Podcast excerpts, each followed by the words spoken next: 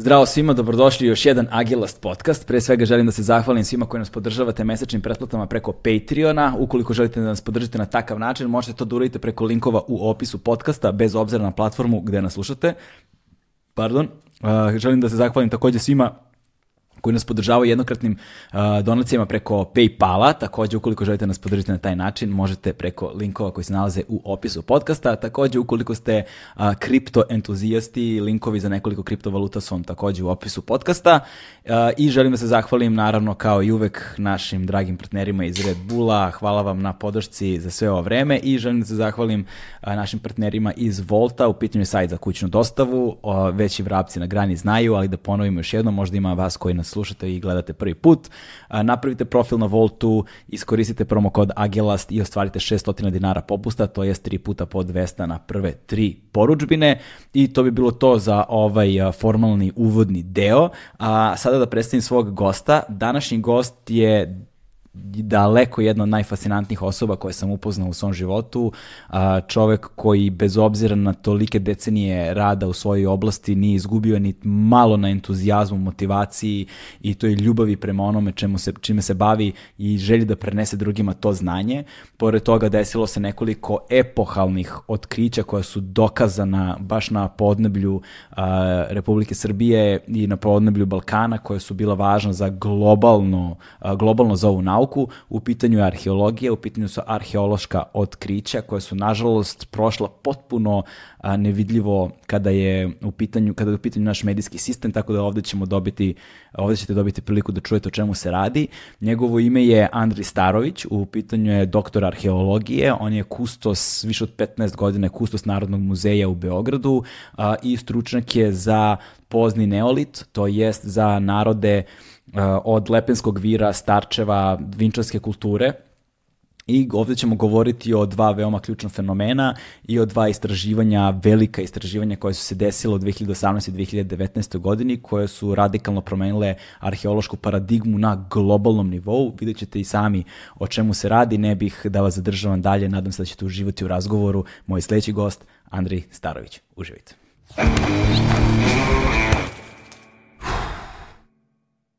Hmm.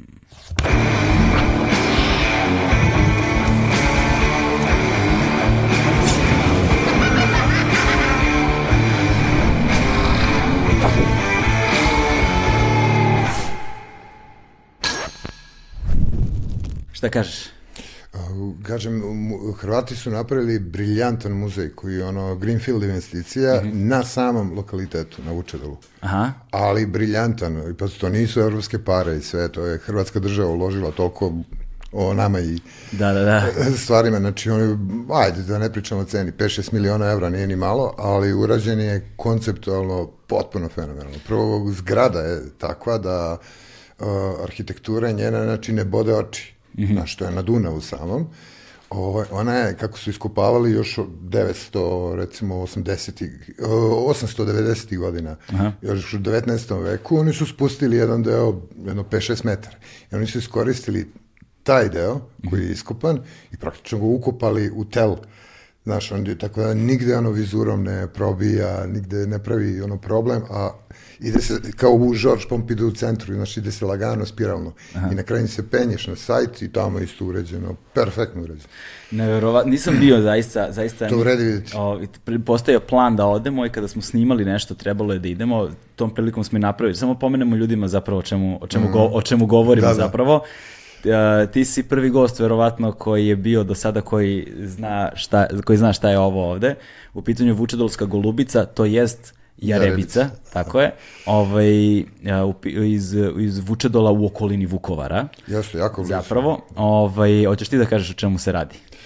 Pa to je jedan nalaz koji je ono postao u pravom smislu reči brand, ono, brand svog vremena. Vučedol je bio u pravom smislu te reči praistorijski grad, ogroman grad uh, i izuzetno važan, naravno na strateškoj poziciji, na reci Dunavu, na mestu gde je on prima blizu i pritoke i tako dalje.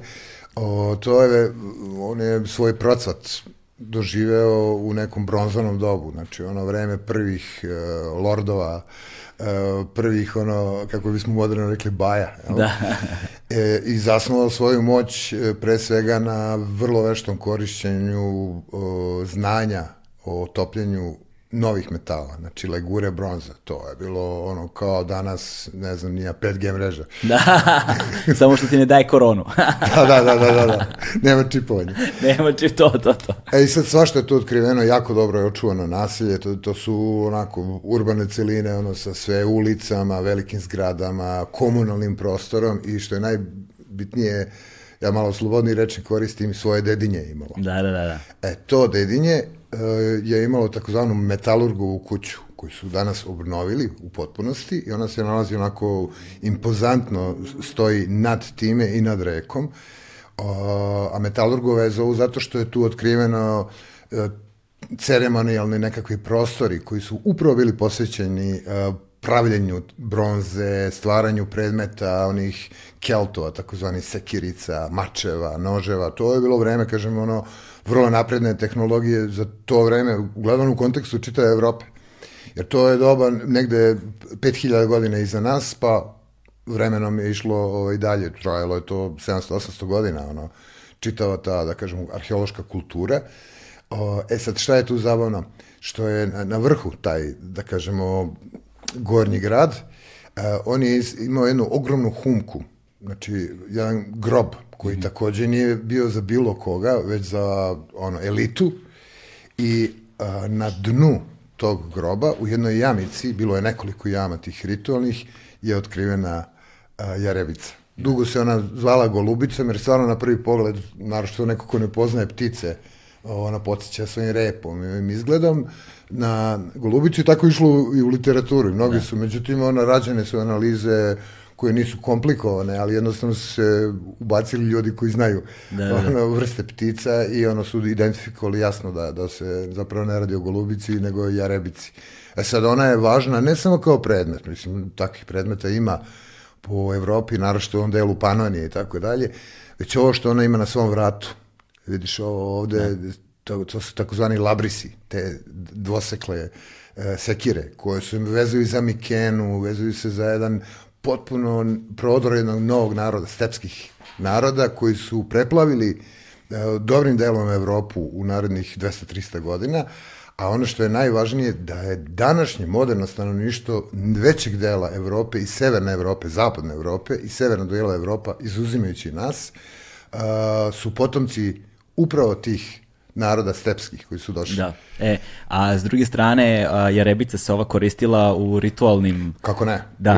U ritualne svrhe i ono, pa, pazi, ona je bila u kontekstu, kažem ti, ona je posebno bila u toj jami, mm. ali pored je bilo par ljudskih grobova u posebnim jamama. I rogovi. E, I rogovi, jedan kompletan skelet, ono, jelena, Znaš, to su sve, one, da kažemo, jake totemske životinje i to je jedan ceo paket aranžman. Da. I sad samo da se vratim za moment na sadašnje vreme. Briljantno, meni se lično jako dopada kako su to rešili. Znači ti se penješ gore na prostor te metalurgove kuće i celog to, ta njegova okućnica izgleda kao iz uh, Asterixa, onako, sa sve palisadama i tako dalje.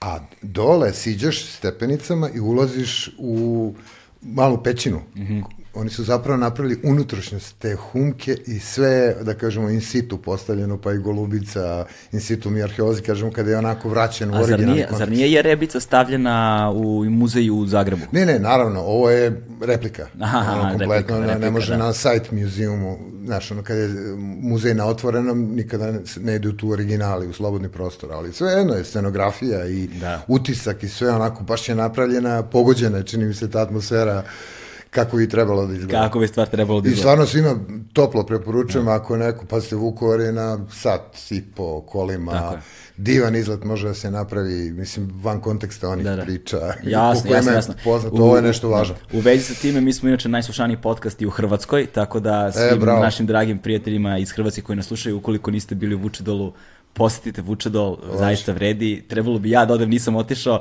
kažem, splet, spletom okolnosti zapravo samo nisam otišao, postavilo nekoliko planova, ali u to vreme smo baš mnogo snimali i stalno smo bili u pokretu, kao na pokretnoj trati smo bili i nekako se to jednostavno nije potrefilo. Posebno u vreme kada smo koristili, sad grešim dušu, ne mogu da se setim kako se zove um, umetnička škola iz Užica koja nam je, koji su meni, ku, mom kumu i meni Napravili. a, napravili ove replike a, u razmer 1 prema 1 zapravo, zato što smo ih koristili za nekakva naša psihonautska putovanja na snimanju tih dokumentarnih serijala i išli smo zapravo tragom Uh, ono tih priča i mitova koji postoje u vezi, u vezi sa magičnim napicima, nazovimo ih tako. I zanimljivo je kako se ti snažni totemi poput jelena, jelenskih rogova, jarebice ponavljaju kroz recimo uh, vikinšku kulturu i kako Tako se, ne. kak, zapravo oni su u velikoj meri doneli to na ove prostore ovde. Tako je, tako je. Da, o. Pa mislim, kad su došli iz tetskih prostora, to je postojbina šamana. Tako je, smislu tako, da, da, da, e, i onda recimo ljudi ne znaju, na primjer za pečurku Amanita muscarija, ovaj, kako je kod nas zovu, ludara, Ludara. ludara, ludara, Gljiva da, ludara. da, gljiva ludara, koja je zapravo ona iz bajki, Jeste. crvena pečurka sa, Sa belim tufnom, tufnicama, tako, da, da je ona zapravo veoma otrovna, odnosno Tako je.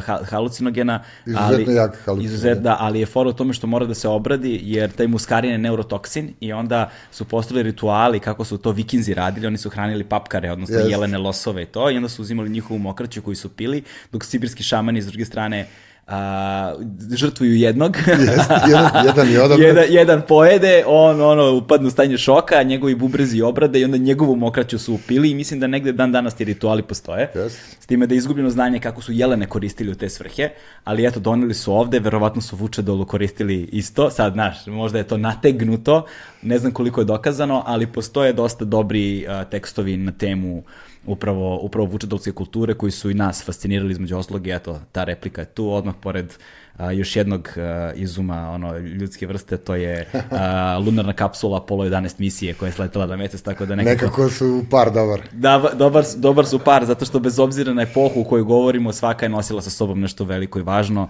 Za mene su ove dva, recimo, dosta, dosta bitna momenta. E, a, da počnemo mi sa našim razgovorom zbog kojeg smo zapravo ovde. Okej. Pre svega, hvala ti puno što si došao. Molim, sa Ovaj, zadovoljstvom. veliko je zadovoljstvo i da se zahvalimo profesorki Mariji a, koja, forenzi, forenzički antropolog koja je zapravo tvoja koleginica i dugogodišnja prijateljica sa Jeste. kojom sarađuješ i koja mi je tebe preporučila u stvari. Preko nje sam došao do tebe još davnijih dana kad smo počeli da radimo ovaj podcast. A, ti si kustos Narodnog muzeja već 15 godina, ali tako? Tako je, tako sad ima možda i više, 18.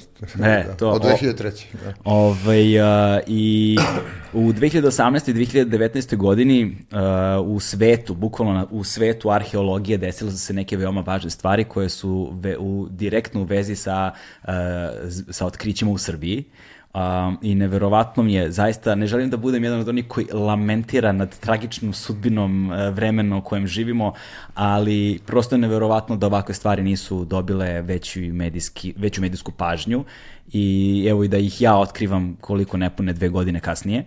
A, ali a, čitao sam članak koji je u Forbesu objavljen, čitao sam moje članke koje si mi ti poslao, između ostalog, a, i zaista ceo svet je poludeo za jednim epohalnim otkrićem koje je negde promenilo tok razumevanja a, po, poznog perioda Lepenskog vira, na, nazovimo Tako je.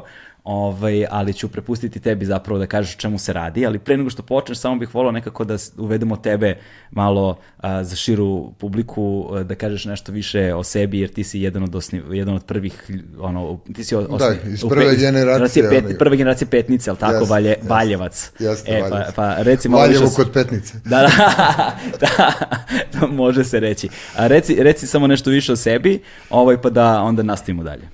Pa vidi, ja sam se rodio u Valjevu i tamo sam i odrastao i sticajem dobrih, rekao bih danas, okolnosti, uh, sam se upleo onako kao mladi tinejdžer sa istraživačima. To, to je bio snažni pokret tada u Srbiji koji su imali raznorazne grupe i onda sam kuklinac tako sa Šurća sa nekih 11-12 počeo sa njima da idem na te razne akcije i e, ja mislim da sam imao 14 kada je prvi put organizovana takva jedna akcija u samoj Petnici pokraj poznate Petničke pećine na jednoj padinici na, na Livadi se nalazi Vinčansko neolitsko naselje.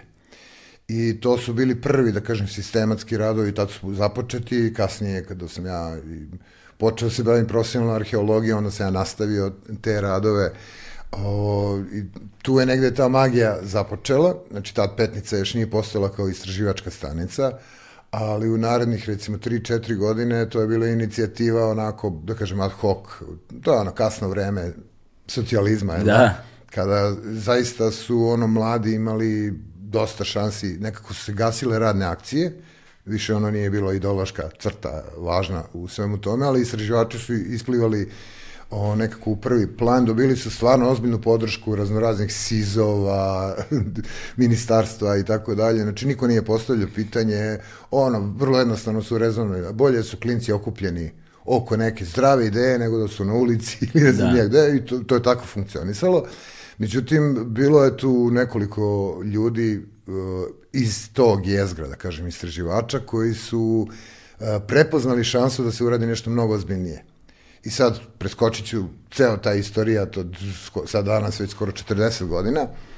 Petnica je u- u međuvremenu izrasla u jedan od stvarno ono centara koji ima reputaciju ozbiljnu međunarodnu kao jedinstven centar za uh, obuku i prvi, da kažem, susret zaista sa naukom uh, mladih ljudi koji, rekao bih, su radoznali. Mm -hmm.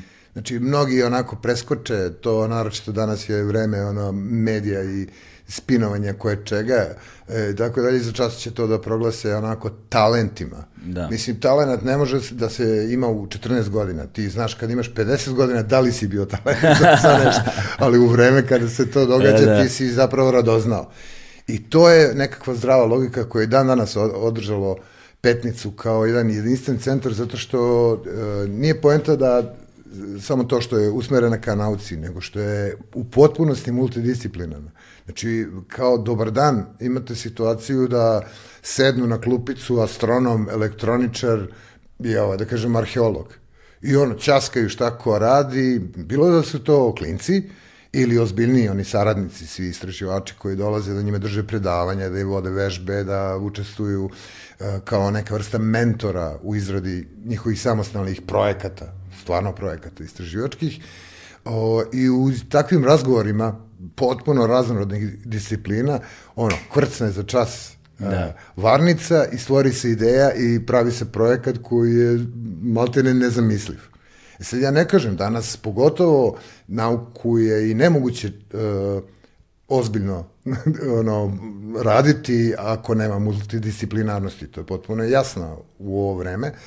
Ali 80. godina to je još uvijek bilo onako, da kažem, hrabar jedan pokušaj i jako mnogo je bilo originalnih tu ideja i atmosfere i ono što je najbitnije danas kad pričate sa mnogima bivšim petničarima a, koji su izgradili umeđu vremenu ono, ozbiljne reputacije, naučne karijere, koje kuda diljem sveta, da sad ne nabrajam, nema ni potrebe da, da pravim tu vrstu reklame, ono, petnica samo po sebi ne, ne zahteva više nikakvu reklamu. Uh, oni kada pričaju da, da o svojim iskustvima i sećanjima na petnicu, uh, pričaju zapravo o tome da je od svega najvrednije, znači ne znanje koje su dobili, ne čak i mogućnost susreta sa pravim naučnicima, da kažem u vreme kada imaš 12, 13, 14 godina, nego ta atmosfera, ta vrsta, da kažem, pokretača koji je mi ostala ovaj dan danas. Da. I tako da e, i ova tema o kojoj ćemo mi danas pričati, ja mogu s ponosom reći da kada se govori o onima koji su iz Srbije učestvovali u ovom velikom istraživanju, svi redom su bili povezani sa petnicom. Da. E sad, ne moram da znači da je to, da kažem, ono bio osnovni faktor kako smo se izabirali, je neko, nego je to stice okolnosti, ta vrsta interesovanja, ta vrsta, da kažem, uh, uh, sklonosti i one zdrave radoznalosti koja je ostala kod svih nas za čas povezala u ovako jedno važno istraživanje. Da, pa to je, da ljudi kada e, posjeduju određene interesovanja, onda oni imaju tendenciju da se bave stvarima koje su u vezi sa time i onda da upoznaju ljude koje zanimaju slične stvari, onda oni gravitiraju jedni drugima, to je prosto prirodno okruženje, ali uvek na svim skupovima tog tipa kada sam se nalazio, najzanimljivije je uvek bilo ono što se dešava nakon da, da. formalnog dela. Jer u formalnom delu, da, obavimo formalne, de,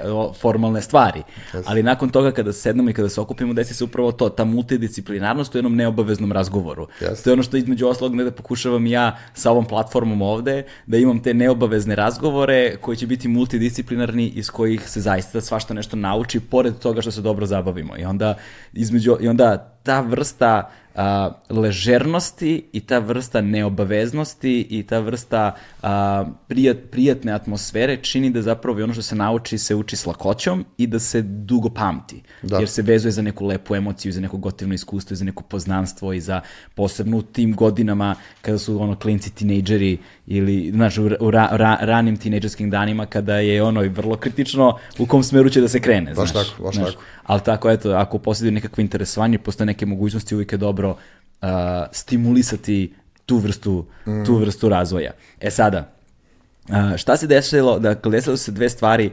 2018-2019. Kašičice su bile... Nešto kasnije... One su 2019. Objavne, tako, jest, e. Jest. Pre, a onda, ajde, onda ćemo hronološki ili... Potpuno je sve jedno, ali da. mislim da ima smisla u svakom slučaju da bude sticam okolnosti hronološki, Aha. zato što je nekako jedno za drugo zalepljeno. Mm -hmm. Uh, ovo je bila, da kažemo, baza da. za dalju priču. Pa, e, mislim, malo je to starije nego što je 18. godina, zato što je to jedno tri godine trajalo istraživanje, da. ali o, okupljen je tim, ja mislim da si ti to rekao pre jedno pet minuta, uh, ajde ovako da kažemo, znači moram samo malo da napravim istorijski ono šta je tu važno pa i, i prosto za, i, i zato što nas prati veliki broj ljudi iz regiona tako je, da bi iz dijaspore, kontekst. da razumeju kontekst i lepenskog vira i vinčanske kulture i tako da tako sak, ceo kontekst moramo da damo tako ljudima. Ajde. E, dakle ovako, Uh, posle ratno vreme, mislim na drugi svetski rat, u, na teritoriji tadašnje Jugoslavije, dakle dobrim delom Balkana, je bilo vreme stvarno buma ogromnih otkrića, ali baš otkrića, terenskih otkrića u arheologiji.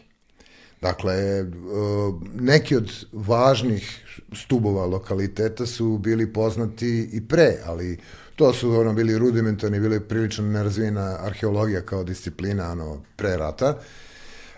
I nakon rata čitava jedna generacija izrasla, kažemo, Triglava do Đevđelije, ali je dobar deo praistoričara, to je vreme kojim se ja bavim, uh, bilo nekako koncentrisano baš u Beogradu. -hmm. Znači u Srbiji je bilo ono prva A liga, dakle, praistoričara. Uh, I o, stice okolnosti je bio i taj da izgradnja posleratne Jugoslavije pokrenula velike projekte, poput autoputa, onog bratstva jedinstva. Da. Mnogi danas i ne pamte to put ono, Zagreb-Beograd. Onda Đerdap, koji se gradio, je tako, kao kapitalni projekat i tako dalje. Onda, da ne spominjem druge kojih je takođe bilo, ovo su bila dva onako ogromna projekta i jednostavno bilo je novca, jer, su, jer država bila ozbiljna i shvatala je kulturnu baštinu na, baš na pravi način. Kamo lepe sreće da je tako i danas. A, i onda su obezbedili uslove i čitavi timovi, čitave generacije arheologa su radili ono predano i nekako u fokusu je bio baš neolit. Mm -hmm. Jer se ispostavilo da ona, ta, da kažem, rudimentarna preratna znanja o Starčevu, o Vinči, Lepenski vir je bio potpuno tabula raza, bio je nepoznat. I, lokalitet i kultura. Uh, u to vreme, ali uh, ispostavilo se da je u mnogo većim meri uh, broj naselja, broj tih ostataka na teritoriju pogotovo Srbije, da je bukvalno istačkana, vi kad danas pogledate uh, mapu neolita u, na teritoriji Srbije, to su sada hiljade tačkica, hiljade doslovno. Znači, to je bio prostor koji je vrio u, u neka doba. Kada govorimo o Neolitu, mi zapravo govorimo o periodu od nekih 8000 godina pre nove ere, tako? E, zapravo počinje tu negde oko 6200. godine stare ere, to je 8000 Aha. godina pre nas. Da, da, da. da. Šta Ali sam ja rekao? Da, rekao si 8000 godina pre na, pre, naše ere. Da, pre naše ere, da. Da, da. Pa ne, ne veze, mnogi da. to brkaju, nije to ništa strašno. Znači, 8000 godina pre nas da. je zapravo to vreme, početak tog, da kažemo, šestog milenijuma stare ere je vreme kada, pričat ćemo o tome i kasnije, e, stižu neki sasvim novi ljudi i prave ovde na Balkanu, pogotovo na teritoriji današnje Srbije, svoj Eldorado. E, to je ono o, o čem ćemo govoriti. Da. E, a ono što je važno, zašto sam se vratio malo unazad vremenski, što su tada otkriveni i velike istraživanja su rađeni sa vinčanskim naseljima, sa starčevačkim naseljima, zapravo ne tim redom, ako gledamo hronološki starčevo kao kultura, je starija. To, to su baš oni prvi farmeri koji su stigli i oni su stvarali lagano svet e, kako poznajemo i danas. Da. A Vinčanci su bili ono New York toga doba. Znači, mislim da nisam preterao sad. Da, da, da, pa ne, mislim, oni su, kako, kako, kako smo pričali, on, oni, oni su obavili celokupan genetski inženjering koji mi danas ne možemo da ponovimo. Upravo tako. Ali, ne. priča, ali, ali čak i tehnološki. Da. Zato ja kažem New York u, u tom smislu da je ono meka svih inovacija, svih onih e, stvari koje danas podrazumevamo. Oni su ga smišljali. Da. E, i sad da kažem, kad su ta velika otkrića načinjena, pogotovo je bio potpuni hit, ja, ja se dobro sećam, jako sam bio mali, tamo 74. peta godina, to je bilo samo par godina nakon što je profesor Srević otkrio i potpuno se istražio Lepenski vir. Uh, ljudi danas ne bi verovali do koje mere se on inkorporirao bio u, u kulturni milje. Ne samo Srbije i Jugoslavije, nego Evrope.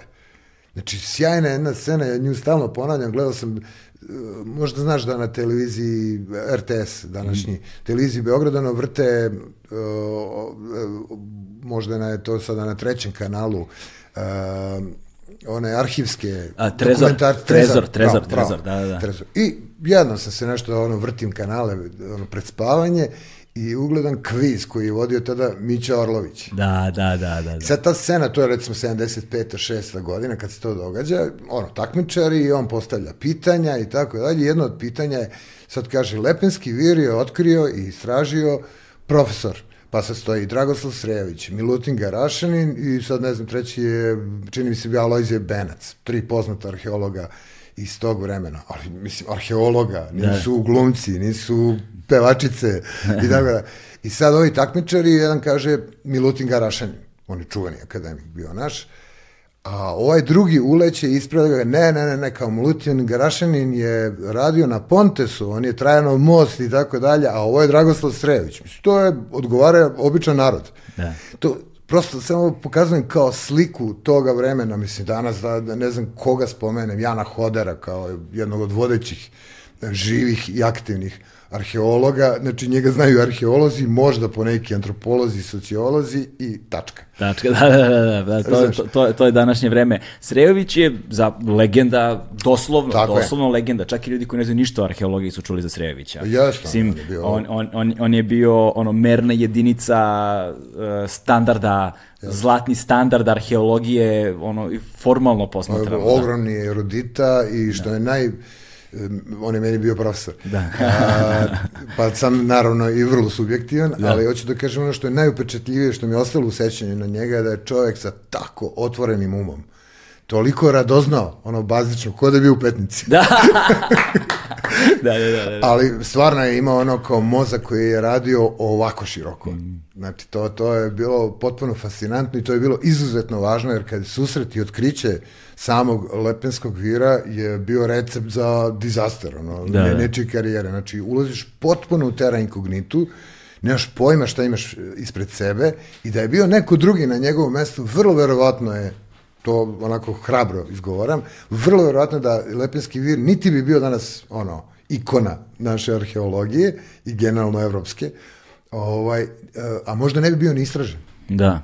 Da. Jer je delovalo ono kao, ja znam ono iz njegovih priča, iz radova koje ono je vidio, kad su oni tek otkrivali, to na sve je ličilo, samo ne na nešto što ima smisla. Da, da. Znači, te prvu kamenu skulpturu je on otkrio uh, onu očiglednu danu bio sa tek godinu dana posle vrlo pomnog i detaljnog ono insistiranja. Jer pazi, on kad je tamo otišao da iskopava, on je otišao tamo, bili su neki stvarno prilično bedni ostaci jedne rimske kule ono, u vreme ta Rimljana, tu da je išao limes, znači ona granica i onda su oni imali osmatračnice ono, nizvodno Dunavom, sve do velikih kasarni, velikih gradova i tako dalje. I to je tako bila ta granica. I on je tad bio asistent mladi i dobio je kako bi to klinci danas moderno rekli, kosku je dobio, znači dobio bez veze mesto koje je bilo u šikari, potpuno na reci, znači ni puta, ni ničega, i da, da uredi jednu rimsku kulu, mislim, temelje, porušena sva, nikakva, i on je otišao tamo sa ekipom, počeo da radi i bili su ono, kako to kaže arheolozi, čapari, fragmenti one ulovljene keramike koja je bila stačevačka. Ali Starčevo je već tada imao svoje heroje, hitove, naselja koje su istraživane, ovo delovalo kao potpuna pustara, onako nezanimljivo. I on je insistirao da kopa, kopa, kopa i kad je prošao taj i starčevački sloj, imao je jedno pola metra uh, taloga peska. Svako drugi bi odustao. Da, da. Razumeš, znači ništa, ono kao to u arheologiji najčešće nazivaju zdravicom, kad su sigurni da nema ničega, on insistirao da se produbljuje, produbljuje i pljas, otvori se sve. I tako da je u godinu i po dana, znači to je ono što kažu i Hanč. Njuh, njuh, njuh, njuh. Baš to, da je osetio Instinkt. to mesto. Ali mislim, nije samo ova, da kažem, ova je anegdotska uh, ugao te priče. Ono što je mnogo bitnije je da je on prepoznao ono, značaj baš tog mesta. E, to je ono što u arheologiji meni lično dan danas, vjerojatno mi je on to usadio. Uh, ljudi u redu, uh, kulture njihove u redu, ali ono kao ta humana geografija, Znači, ono, zašto ljudi baš biraju određena mesta, kako ih ono, pretvaraju u svoj dom. Mm -hmm. To je nešto što je meni je nekako, ponavljam, i dan danas u karijeri, možda i najzabavnija stvar i naj... Uh, intrigantnija stvar koja me vezuje za istraživanje. Da. Osobe poput Srejovića su ono što su kod nas na fakultetu govorili za takve izuzetne pojedince. To su pojedinci koji imaju heliotropnu misao. Yes. Koji zapravo kao sunčeva svetlost misao koja obasjava sve i onda nekako se pale automatski lampice, uzajemno i asocijativni nizovi i onda i uz malo juneće upornosti kako je profesor Srejović yes. svakako imao, dolazi se do ovakvih stvari i uz naravno malo sreće, malo više sreće. Kako ne? A mislim da ne ispadne ovo sada ono EPP za, da, da, da, da. za počivšeg profesora, ali on je, što je najbitnije, to je kao Novak Đoković. Da. Znači, nije svejedno da li si prvi u konkurenciji Federera da, da, da. i Nadala ili tamo nekih ono koji niko više i ne pamti. Da, da. E, ta liga ono jugoslovenskih tada arheologa je bila mnogo mnogo jaka. I oni su načinili čitav niz izuzetno važnih da kažemo terenskih otkrića. Znači ta je definisana kultura mm. uh, Lepenskovira da je on, ne on, ali ne samo on, nego čitave generacije iza njega su ono učestvovale u građenju te priče. I nekako do prelaza mm. sta, ono, prošlog veka u ovaj, E, činilo se mnogima da su sve te priče ispričane. Da, je sve, sam... E, da se sve razume. Da, ajde, hajde samo da postavimo u vremenske odrednice Starčevo, Vinču i Lepenski Virčić, da ljudi dobiju orije, o, o, nekakav, nekakav okvir za kretanje kroz njega. Da. Pa, e, ovako, Lepenski vir kao najstariji. Uh, on je zapravo mesto i prostor gde se uh, sačuvala, da kažemo, ljudska populacija u veoma nestabilnom vremenu takozvanog ranog holocena. Znači, govorimo o vremenu od pre, recimo, grubo govoreći, 9.500 godina stare ere, jel? pa do negde tog prelaza u šesti milenijum. 4 do 4.500 godina je trajalo odleđivanje ovog dela Evrope i uh, užasno turbulentne promene u klimi, u vremenu, u svemu su se događale. Znači, to je bilo na nivou generacije uh, neprepoznatljivo. Da. Znači, ono, reke i rečice su ne menjale tokove, nego ono su u očima dve, tri generacije pejzaži bili izuzetno promenjeni. Mm. Znači, imao si onako jednu široku stepu, koja je dominirala početkom ranog holocena i to je, holocen je ono moderno vreme u kome mi živimo. A Pleistocen to je ono vreme ledenih doba, ono pre nas. I kad se klima stabilizovala, tu je trajalo, kažem, taj 3 do 3,5 hiljade godina užasno turbulentnog vremena, ljudske grupe su se svele na nuklearne, one, da kažemo, čopore praktično od 10-15 ljudi u zajednici, izuzetno male zajednice koje su imale sve šanse da nestanu, mm -hmm. potpuno. Znači, tu je toliko bio veliki pritisak uh, ba, bazični, vezan za preživljavanje. Znači, ono, dva osnovna principa. Pojesti nešto i ne biti pojeden. Da. Znači, u toj dikotomiji, ono ko, stvarno je bilo izuzetno teško uh, ono kao organizovati sebe, prostor i uh, svet oko sebe da pojedeš i da ne budeš pojedan. Da. I naravno treća izuzetno važna stvar da se obnoviš, Da. da stvoriš novu generaciju. Uh, zašto sam ovo sve govorio malo naširoko? Zato što je prostor Đerdapa, baš taj deo klisure Đerdapske, koji je tad dobio onu konfiguraciju izgled kako ima i danas, baš u to vreme, uh, nekako se pojavio kao jedan ekološki ono, e, Eldorado sam već ispom- ispomenuo Da, da, da. kao Da. termin, kao jedan džep potpuno fenomenalan, sklonjen od jakih vetrova košavskih. Znači, dan danas ako odeš ti e, na Lepenski vir, kad ulaziš u Đerdapsku klisuru od Golubca, vetar brije, ono, preko cele godine. Da, da, da. kad se Da. zavučeš tih nekih 15 km, Da. dalje ti dolaziš, ušt, ono, mir, tišina i potpuno mikroklima drugačija. Da, mislim, ljudima samo objasniti koji nisu nikada bili ovaj, uh, Golubac, to je, to, je, to je sliv Dunava gde je Dunav najširi Tako je. zapravo, tu se nalazi Na nautički centar, ali Dunav koji prolazi kroz ono 10-12 zemalja, kroz koliko zemalja prolazi, kroz 10.000 km sliva, ovaj, to mu je najšira tačka, mu je zapravo Tako, tu. ono je tu ko more i Da, zovu ga Dunavsko o- more. Tako je, o- ogroman je na granici između Rumunije, Rumunije i Srbije i taj deo, tu je donji Milanovac, za one koji znaju da imaju, da imaju dva Milanovca u Srbiji, gornji i donji, nisu blizu jedan drugome, ovo je donji Milanovac. Tako je. Ovaj, I onda niže toga se nalazi Lepenski vir. E, to je... I, izvini, i samo da sam sad, i Lepenski vir zapravo, pošto se, to je bilo velik, vreme velikih promjena u tom periodu, Dunav se pomerao, tako da mesto gde je kao obeležen Lepenski vir nije tu zapravo bio, nego je bio usred Dunava. Danas je, da, da, danas je taj da čitav potopljen Tako zbog je. izgradnje upravo brane. Da. Upravo zbog gradnje brane i pravljenja veštačkog tog akumulacijonog jezera je i, finansirano sve o, sva ova istraživanja po čukama i gudurama. Mm. Da. Inače, teško da bi arheolozi se i odlučili da ono, zađu Mm. u- na takva mesta i to je ono sticaj vrlo dobrih okolnosti. E, a sad, e, jedan element je taj, da je on stvarno bio sklonjen pre svega od vetrova i od e, velikih bura, zim, zime koje su bile ledene i tako dalje. Kažem, turbulentna jedna promena klime, a druga izuzetno važna stvar i nema mnogo tačaka na planeti koji imaju takav ono bingo. A, dakle, tradicionalno Crno more i reka Dunav su transverzala za one ogromne ribe poput jesetre morune. Znači to kad kažemo ogromne, one su veličine, neke od najvećih primjeraka su veličine ajkula. To su ono, iz ovih ponekada rečne ajkule. I sve do izgradnje uh, brane uh, i ova uh, ovaj, hidrocentrala Đerdap 1 i ona niže dole, sad imamo dve, e, do tad je postojala, uh, da kažemo, jedan prirodni ciklus u vreme kada je mrešćenje te ribe koje inače žive u moru, u Kaspijskom jezeru i Crnom moru, uh, ulaze u Dunav preko ušća i putuju daleko da bi se mrestile. E sad, šta je tu važno? Nije to riba kao riba. Znači, Dunav i dan danas ima i raznu drugu ribu, počeš od šarana, soma i tako dalje. A ovo je bio zicer, bingo. Jer one dolaze, ono, što bi se reklo, trudne, prepune ikre. To je energetski potencijal kavijar, najkvalitetniji, stiže sa njom. I samo mesto, izbor Lepenskog vira, samo ime mu govori, se nalazi uh, na mestu kada je uh, Dunav tekao još, dok nije potopljen taj deo, Lepenski vir, dok su trajala iskopavanja, to se moglo vidjeti. On radi kao ogromna centrifuga veš mašine. Da.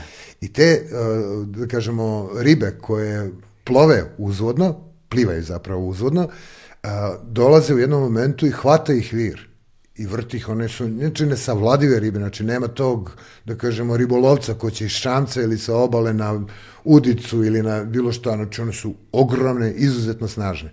Ali kada ih vir uhvati, on ih vrti, vrti, ošamuti i izbaci na površinu i one su potpuno grogirane. I uh, ja stalno to pričam, evo čak i kada smo stavili, pravili novu postavku Narodnog muzeja, uh, doslovno sam to i e, napisao, to se može videti, da je to bila sezonska žetva da. velike ribe. Jer je trebalo samo, po znacima navoda, organizovati e, sistem takav sa platformama drvenim i sa ozbiljnom, da kažemo, društvenom organizacijom. To nije mogao da radi jedan čovjek ili dva, jer one su preteške. Mnogi primjerci su preko stotinu kila. Ili u tim kila. klasterima malim od po desetak njih, nego moralo više da Tako je. Da. A, onda su bukvalno učestvovali u izvlačenju tih riba i sad šta je Lepenski vir pokazao? Znači, on ima močuge, kamene, ogromne, koje su, mnogi ih tumače kao istovremeno i ritualne objekte, te skiptre, kako ih nazivaju, i oni su takođe izloženi u muzeju, ali njihova bazična uloga je bila da budu malj, jer je bio iz komada, znači kad je ošamućena ta riba, oni moraju da je bio, da je bio u glavu, da ne bili je ubili. To je izuzetno teško, mislim, koliko god je banalno, da, da, da. savladati takvu grdosiju. I to je možda onaj ključni moment uh, kad se događa ono u, u, u ljudskoj zajednici, u kulturi i onaj klik. Oni su krenuli ono kvantni skok. Jer uh, bili su prinuđeni da bi funkcionisali kako treba, da se skupljaju sva ta ribarska sela, kojih je danas identifikovano preko 30 ima sa naše obale i rumunske obale današnje, uh, i oni su se sezonski okupljali da bi obavili taj posao, da kažem, žetve, da. velike crnomorske ribe, Uh, I u toj, znači, dobra organizacija je bila uh, neophodna, ali to je bilo jednako vreme da svi oni rituali koji su vezani za uh, ono, slavljenje i zahvalnost svim bogovima koji im je dao tako jedno mesto, koji im je ponudio da, da žive na takvom mestu, da dobijaju bukvalno dar od bogova, hranu u ogromnim količinama, uh, Ovaj, I da su pritom zaštićeni. Da su zaštićeni, znači ono to u, tom smislu nije bilo, više bilo, pazi, jer pre toga sve ljudske zajednice su imale jednu utakmicu koja je bila kao ultimate fight. Da. Razumeš, znači svaki lov, na, ma počeši od jelena, a ne, ne do bog na divlju svinju ili na, na bizona, eh, tada evropskog bizona, je bio rizičan po život. Znači svaki odlazak u lov je podrazumijeva mogućnost da zagineš. Da. E, a ovo je bila situacija gde su kolektivno učestvovali u tom, a, teško nazvati to ribolovom ili lovom, nego da. više kažem žetom. žetom da. Ovo, ona je bila prilično bezbedna, ali je to vreme, to sezonsko koje je, i to je Srejović divno prepoznao, zašto baš izgleda Lepenski vir tako sakralizovan, tako ritualizovan. Svaka ta kuća, te one trapezoidne čuvene, ti to su zapravo bile kolibice, jel? Ali su istovremeno bile mala svetilišta. Znači sa skulpturama, sa tim žrtvenicima, sa ognjištima koje su ono ritualno, znači na njemu se najverovatnije nije živelo preko godine. Uopšte. Nego je bio ono meka. Da, da, da. Koji su skupljali svi, hodočašće, odrade svoje rituale i onda svi rituali zajednice se tu obavljaju koji imaju uvek dvostruku vrednost. Jedna je stvarno ona potreba ljudska, naročito zajednice, da se obrati nekom drugom svetu, da komunicira sa drugima i to nikada nije, ne treba zaboraviti. Naročito u snažnim tradicijskim društvima, poput praistorijskih ovih zajednica, to je užasno važna komponenta svakog društva bila. Znači, komunikacija stalna sa onim gore, onim dole. Sa onostranim. Sa onostranim. Da. To je strašno važno bilo za zajednicu, za njeno ukupno, rekao bih, zdravlje, jel? A istovremeno su i obavljali krajnje praktične, racionalne stvari, ono, razmena žena. To je izuzetno bilo važno, jer to su bile nuklearizovane grupe koje su udaljene jedne od drugih, čak i ako imaju svest o postojanju, da su ovi tamo, ovi tamo, ovi su tamo ribari na obali i tako dalje, to je bila jedina prilika, ali stalna, da kažem, ceremonijalna prilika da se okupe svi, onda se ono, mlade i mladoženje upoznaju, tako da je to jako bilo važno za opstanak i za e, porast te populacije. I to, da se skrati se celu priču, Lepenski vir je tema za sebe, ali e, ono njegovo glavno vreme je e, upravo par stotina godina pre ovih događaja u da. kojima da. smo se mi bavili, oni su uspostavili jednu zaista kulturu, ono, specifičnu, ne mogu reći civilizaciju, jer to nije ni, ni kontekst, ni to vreme stvaranja, ne, nemaju gradove, nemaju, ali Lepenski vir imao jednu vrstu, da kažem, vrlo posebnog mesta za sve te đerdapske ribare.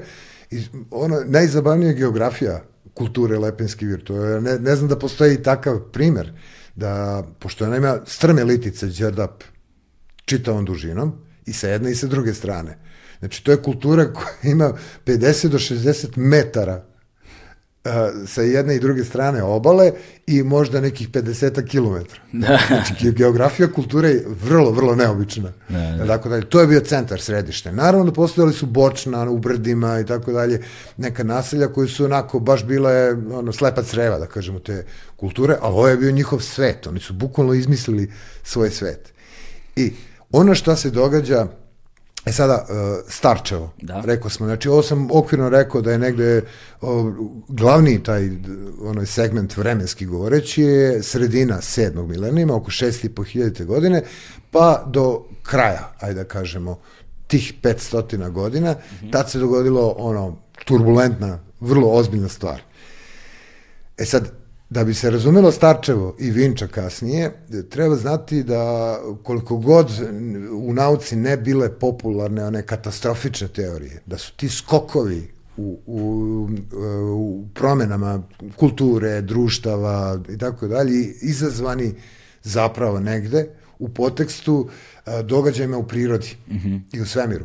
Jedan takav događaj je zapravo danas potvrđen da je zapravo bio pokretač čitave ove priče o kojoj ćemo danas u nastavku govoriti, a to je ono veliki potop koji se dogodio, danas se pouzdano zna, iako je pre samo 20 godina bila skoro jeretička misao, Da. e, da je jedan glečar koji je sa druge strane Atlantika ogroman, to je ono Hudson Bay, to, je danas da, je i New York, se odvalio, jer to je bila ledena ploča, ceo severnoamerički kontinent, pričamo sada o devetom milenijumu.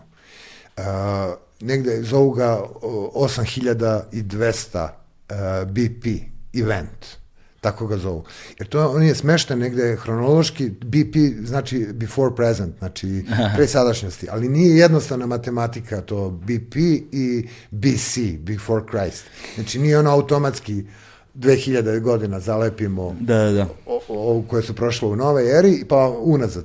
Ovo se zapravo događa negde upravo sredinom mm. uh, sedmog milenijuma, znači u to vreme kada Lepenski vir dobija na svom značaju, uh, kao posledice tog događaja, zaista Ja, u prirodi. kako su dokazali, to me zanima, kako su dokazali da se ono odvalila ogromna santa leda? Mislim, Znači, nezahvalno je reći santa leda, zašto onda koliko god da ga skaliramo deluje kao malo. Znaš, to bi trebalo da bude ono kontinent leda. A, ta, ta, ta, da kažemo, glečarna ploča je bila veća od Evrope. Je sad jasno o čemu pričamo. Koju je sa- sasvim izvesno ono, izazvala u prvim svojim ono, danima ogromni tsunami. A, Bosfor je tada e, stvoren. Da, To ljudi ne znaju. Azovsko more. I potopljena je u narednih 100 godina a, kompletna severozapadna obala Crnog mora. Trajno potopljena. Podigao se nivo mora.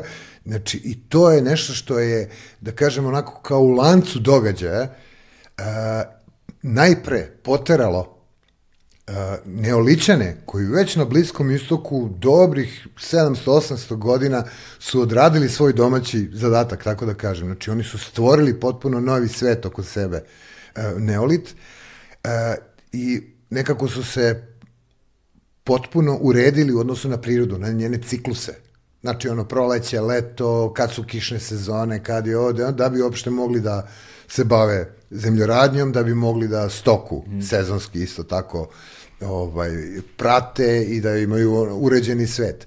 A onda je ta, ovaj događaj koga oni vjerojatno nisu bili svesni, jer je to bilo dosta severo od, od njih, ali je uticao na promene klime da su najverovatnije imali po periode po 30-40 godina izuzetno sušnih.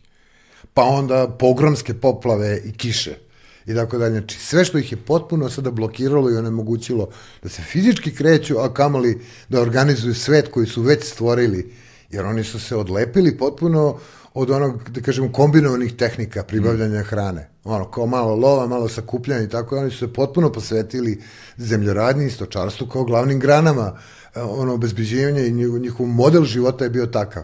I sad su došli u ozbiljan problem. Mm -hmm. I to je poguralo migracije. E sad, pitao si me, da, da ne bude da nisam odgovorio, kako se to uopšte zna? Znači, istraživanja koje su rađene u poslednjih 25 godina, pa ne bi verovao, od astrofizike do meteorologije, preko biohemije, preko svega, znači na raznim tačkama u Evropi, u Americi i u svetu su rađena e, velika istraživanja koja su zapravo rekonstruisala Hmm. Najverovatniji scenarij takvog jednog događaja. To je, to je ona multidisciplinarnost o kojoj smo govorili Upravo u početku, tako. bez koje ne bismo mogli da imamo takvo znanje i koja govori o onoj kooperativnosti i internacionalnoj saradnji da bi uopšte mogla se stvori slika tih gabarita, to je monstruozno velika po, slika. Ali pogotovo je kontekst izuzetno važan, jer u samom startu, znači oni prvi koji su se osmeli 80. godina, da pretpostave to kao ideju da je bio, da je možda ideja o biblijskom potopu nešto što je realno postojalo, ali u onom tradicijskom sećanju povučena od mnogo pre. Da, da, da. I nije ni čudo da ono, u, u sumerskoj kulturi, u epu Gilgamešu se spominje matrica biblijskog potopa, kakav je samo copy-paste. Da, da. Urađen kasnije, ali da se u mnogim uh, ranim hidrauličnim, tako bih nazvao, koji, civilizacijama koje su bile bazirane na upotrebi i korišćenju, kontrolisanju vode one, da kažemo, zbog zemljoradnje, zbog da. svega i tako dalje, da je mit o velikom potopu ono, bez greške da, da, da, se pojavljuje. Što bismo rekli danas tehničke vode. da, da, tehničke vode. tehničke vode. Koje je bilo izuzetno važno, pa naravno. Ova, e sad, vrlo verovatno, to sad nije naučna činjenica, ovo to je moje domišljenje, da, da je možda i takav jedan, pazi, kad kažem ono događaj, nije se to desilo u 15 minuta, ali bio je onaj pljusak u more ogromnog lečera, je stvarno bio događaj, a onda ciklično i povezani ono, stvari koje su se događale nakon toga su ono napravile čudo od mm. promene ekološke i kao finale priče uh, taj saj svet koji sam zapravo preskočio celu priču jer bi stvarno dugo trajala kako je nastao Nelovit i zašto baš tamo na tom plodnom polumesecu. Znači to je prostor između današnjeg recimo da kažemo granice Iraka i Irana pa pravi zapravo na mapi zato ga vrlo često zovu polumesec.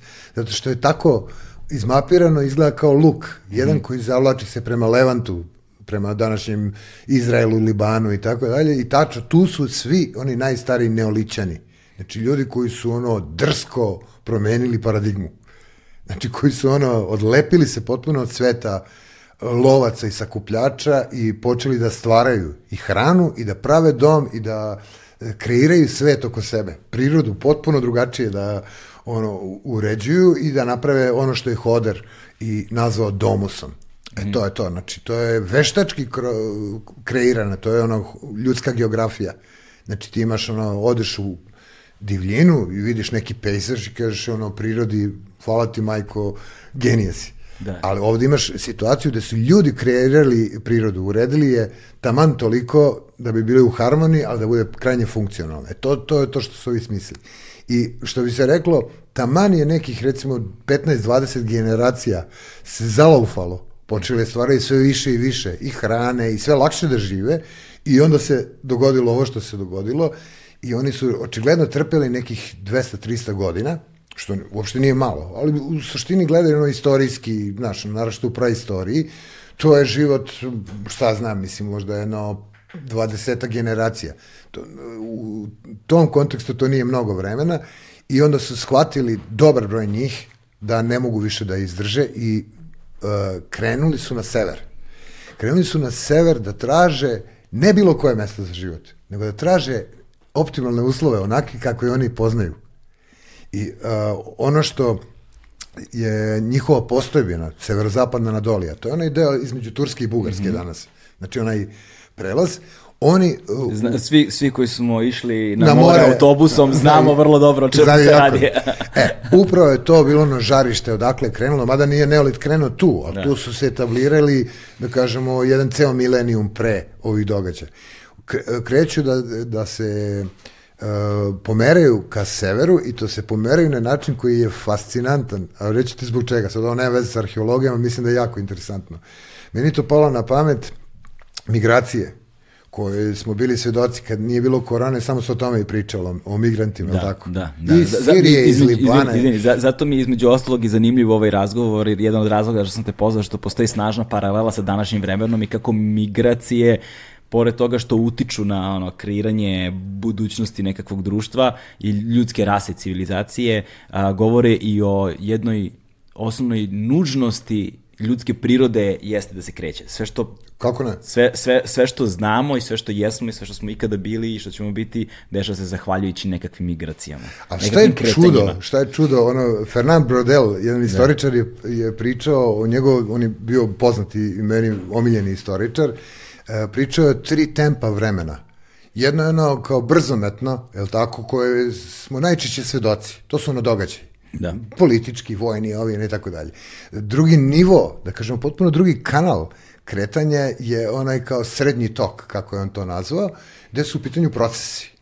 Znači proces je ono kao rastakanje rimskog carstva koje nije počelo jed, datuma tog i tog dana, nego je postoje i uzroci i razlozi i tako dalje i to je trajalo ono stotina godina, bar ono nestanak je jedne civilizacije.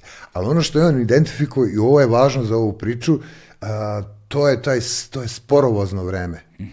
Grad Efes koji je nestao a, ne zbog nekih politika ili zbog e, ratova ili bilo čega drugog i nekim odlukama i tako dalje, nego zato što je priroda polako ga udaljavala od obale.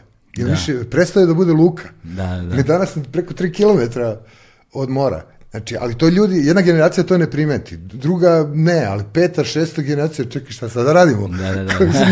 ne, ne, ono na čemu smo zasnovali. Bio, bio sam u Efesu 2002. godine, ono, to sam kad sam bio u Turskoj obišao tri mesta, ono, fabriku kože, Efes i Pamukale, ono. znaš, Ali to je sjajan primjer, znaš, za to sporovozno vreme. E, slična stvar je vezana ovde za ove migracije. Znači, to, to nije bilo ono uh, u jednoj ili dve generacije, ali taj pritisak bio konstantan, verovatno sve veći i veći, sve uh, ono neizvesnije vreme i u jednom momentu to pokrene, ono, lavinu ljudi da se kreće.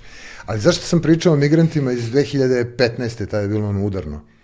Zato što razlozi njihove migracije su veoma slični ovim praistorijskim o kojim mi pričamo. Znači, ono, potraga za boljim životom, frka sa hranom, u ovom slučaju ključna stvar, ključni problem Bliskog istoka i Afrike je voda, pijaća voda. Da, da. E, to je mogo biti jedan od ključnih razloga uh, zbog koji su se pokrenuli i u ovi neoličani, tako da kažem, negde sredinom sedmog milenija. Klimatske izbeglice su danas vrlo realna stvar, Upravo vrlo tako. stvarna i bit će ih sve više i to će vrlo verovatno biti vodeći razlog migracija u narednih nekoliko decenija. Da, da. Ali znaš što je još fascinantno? To je jed- jedna stvar koja onako može napraviti paralelu tih drevnih i recimo da kažemo modernih kojima prisustujemo migracijama, a, to je putevi koji se fantastično podudaraju sa rekonstrukcijom arheološkog praistorijskih puteva migracije. Jedna je ona, da kažemo, transverzala uh, Moravsko-Vardarska dolina, to je onaj pravi put, autoput bio, da kažemo, neolita, Autoput neolita, dopada mi se ovo. Definitivno, neolitizacija na Srbije i to 60. godina su upravo naši veliki arheolozi u velikim otkrićima u Pomoravlju, u Makedoniji, tako dalje, sve ono uz Vardar, pa onda uzvodno Moravom prema Dunavu to prepoznali kao glavnu rutu, ono kao Da. da ti kažem autoput neolitizacije. da, u drumskom saobraćaju je to jedno od osnovnih pravila. Prva stvar koja se nauči iz ono predmeta, osnovi puteva i ulica. Ne pitajte me kako znam. Dakle, to je kako praviš put, tako što prvo u naseljenom mestu pustiš ljude da sami idu, Jeste. pa ono što su njima prirodna kretanja, Upravo koje tako. utabaju, staze koje oni utabaju, e tu onda praviš strukturu, plan puta i okolnog naselja kako će da funkcioniše. Ukoliko ti dizajniraš put pre nego što pustiš ljude tako, onda se dešava ona Propast. situacija kao u parkovima kad vidiš ovako put i ono svuda trava i st- ust- Stazice utabane, pa da. utabane, jer ljude ne zanima tu da, da se kreću. Pa pazi, ovo je sada potpuno digresija od, od Da. da. razgovora i teme, ali mislim da je važno. Najsvežija stvar koja se događa u Brenovcu, meni je žena iz Brenovca i ono, s pravom vrišti na ideju, hoće da ukinu i da izmeste pijac. Da. Znači, ono, mesto okupljanja oko kog je nastao Brenovac. Da, da, da, da. Znači, nije nastao grad, pa onda pijacu negde smestili. Nego je prva bila ono marketplace. Da, da. Razumiješ, tako su nastali gradovi u srednjem veku i tako dalje. Znači, to je srce jednog grada. I sad je neko rešio, hoće naravno tu zgrade, a ovo će da izmesti ne znam nije gde. To je onako u startu uh, obećava propast. Propast, da. Znači da. to neće uspjeti, to je u Valjevu, gde, gde sam se ja rodio svoje vremeno, napravljena nova pijaca, ali nisu uništili bili staru, nego su je skratili ovaj, tako, kao smanjili su je jako, zato što imaju sad novu, modernu, ali tamo negde na periferiji grada. Na, na toj pijaci niko nije prišao da kupi. Da, da. Ništa. I posle 4-5 godina su ovo ostatak care pijace vratili u promet i ona danas funkcioniše kao glavna pijaca. Znači, ta logika ono, ljudskog mm. a, razumevanja i korišćenja prostora je strašno važna. I ona podudaranje koje sam rekao e, vezane za puteve, mm. znači jedna je ta moravsko-vardarska, a druga je bila pobočna, da kažemo sada novo formiranom obalom da kažemo tom zapadnom obalom Crnog mora, e, to su ti bili pravci, znači teritorija današnje Bugarske, ali koja je okrenuta ka nama, ka, ka Srbiji, jel? Pa onda gore ka severu ide i pravi luk, negde i prelaze Dunav, i mm -hmm. dolaze na teritoriju današnje Rumunije i zašto je važno je zato što ovi imigranti o kojima je reč su zapravo to uradili. Prešli su Dunav na mestu gde je on najplići, verovatno bliže ušću, prešli na teritoriju današnje Rumunije i sa onog transilvanijskog dela i ispod Karpata, tako su prišli Lepenskom viru, ono, zicer. Da, da. Znači, došli su im, da kažem, iza leđa. I kada se kreću te populacije, uh, ono što je za njih važno, to nisu horde, to su vrlo organizovane grupe koje sa sobom nose uh, sve što imaju, što im je važno i koje sa sobom nosi svo znanje mm. koje su stekli. E to je ono jako bitno, znači nije u pitanju samo transfer ljudi, nego ti ljudi dolaze sa paketom svojih znanja, čak i fizički nose sa sobom e, sasvim izvesno prve žitarice koje su kultivisane već vekovima unazad u njihovoj praposlojbini, to znamo veoma pouzdano, znači nisu ovo sad pretpostavke moje, jer jednostavno ono što je profesor Srejović i voleo da, da veruje jeste da je Lepenski vir e, kao kultura generisao neolit kod nas. E, odgovor nije jednostavan na to pitanje da ili ne. U dobroj meri jeste, jer je stvorio onu klimu e, sedalačkog načina života. Mm -hmm. Jer to je bila redka, da kažemo, grupa ljudi koja je bila smeštena trajno uz reku, jer imala je razlog, užasno važan razlog. A to je taj ribolov i koncentracija ne. na, na ono jako velike količine hrane koje od bogova do, dolaze prilično lako. Ovaj, znači, oni su tu već stvorili modeli, vrlo, vrlo neobična situacija, jer u objašnjenju e, neolitskih zajednica, oha, one su te koje prave trajna sela, koje funkcionišu na jednom mestu pa ga urede, a mezolićani, znači to je to vreme kada Lepenski vir nastaje kao kultura, to je to neka prelazna, to je tehnicistički ono izraz koji da. samo opisuje uh, ono konteksta, zapravo ne znači ništa velika. Mezolit je ili tu vreme holocena. Znači, to su ono lovci, sakupljači, grupe koji trče jure, mislim, malo banalizujem, da, da. ali koji jure za lovinama, kreću se ono, ciklusom kretanja. I jednom godišnje mlate ribu. da, ne, ovi konkretno mlate ribu, ali većina drugih koji su da. na otvorenom, u Panoni, na teritoriji današnje Srbije, su male grupe koje se kreću isključivo za lovinom i oni nemaju stalno mesta boravka i zato ih je jako teško arheološki pronaći. Sigurno ih je bilo, jer da ih nije bilo, mi ne bismo imali kasnije ni neoličeni s kim da se sretnu. Da, da. Razumeš? Ali e, njih je teško identifikovati arheološke. To su bila ono kamp kolica, otprilike, znaš, na obalama reka, pa tu provode leto, a kad je zima, povuče se u šume, da je malo bezbednije, malo manje hladno i tako dalje, i ne ostavlja mnogo snažne arheološke tragove. Da, i tu je jedna od ključnih stvari takođe broj dece koji su imali jedni, koji su imali drugi. To je to. Te populacije koje se kreću, mm. uh, stalno su potrazi, oni nemaju tu vrstu luksuza da imaju puno dece čergu dece da budu sa sobom. Ne, nema da. načina, koliko god da im je važno da, da budu što veći, da se plode i rode, što kaže, eh, ali oni mogu imati, tako da je prosek, jedan kolega moj, takođe petničanin, ono, bivši, je radio paleo demografske istraživanje i stvarno se vidi taj gap ogroman, mm. da ono kao u vreme tog finalnog mezolita, upravo je to vreme lepensko-virske kulture, mi računamo u proseku, sad je ovo malo baš grubo, ali do dvoje dece, to koje nisu jedno drugom do ušiju, nego ono jedno veće, jedno manje. To je ta kombinacija i to je da kažemo, najplodni period jedne Da. porodice mezolitske, koliko, to je nekakav prosek, nekakva stereotipna slika koja se može zamisliti. A ovi neoličani su već odradili domaći mnogo pre, locirali se na jednom mestu i oni stvarno su mogli da računaju sa porodicom kako smo znali do kraja 19. veka na većem delu Balkana.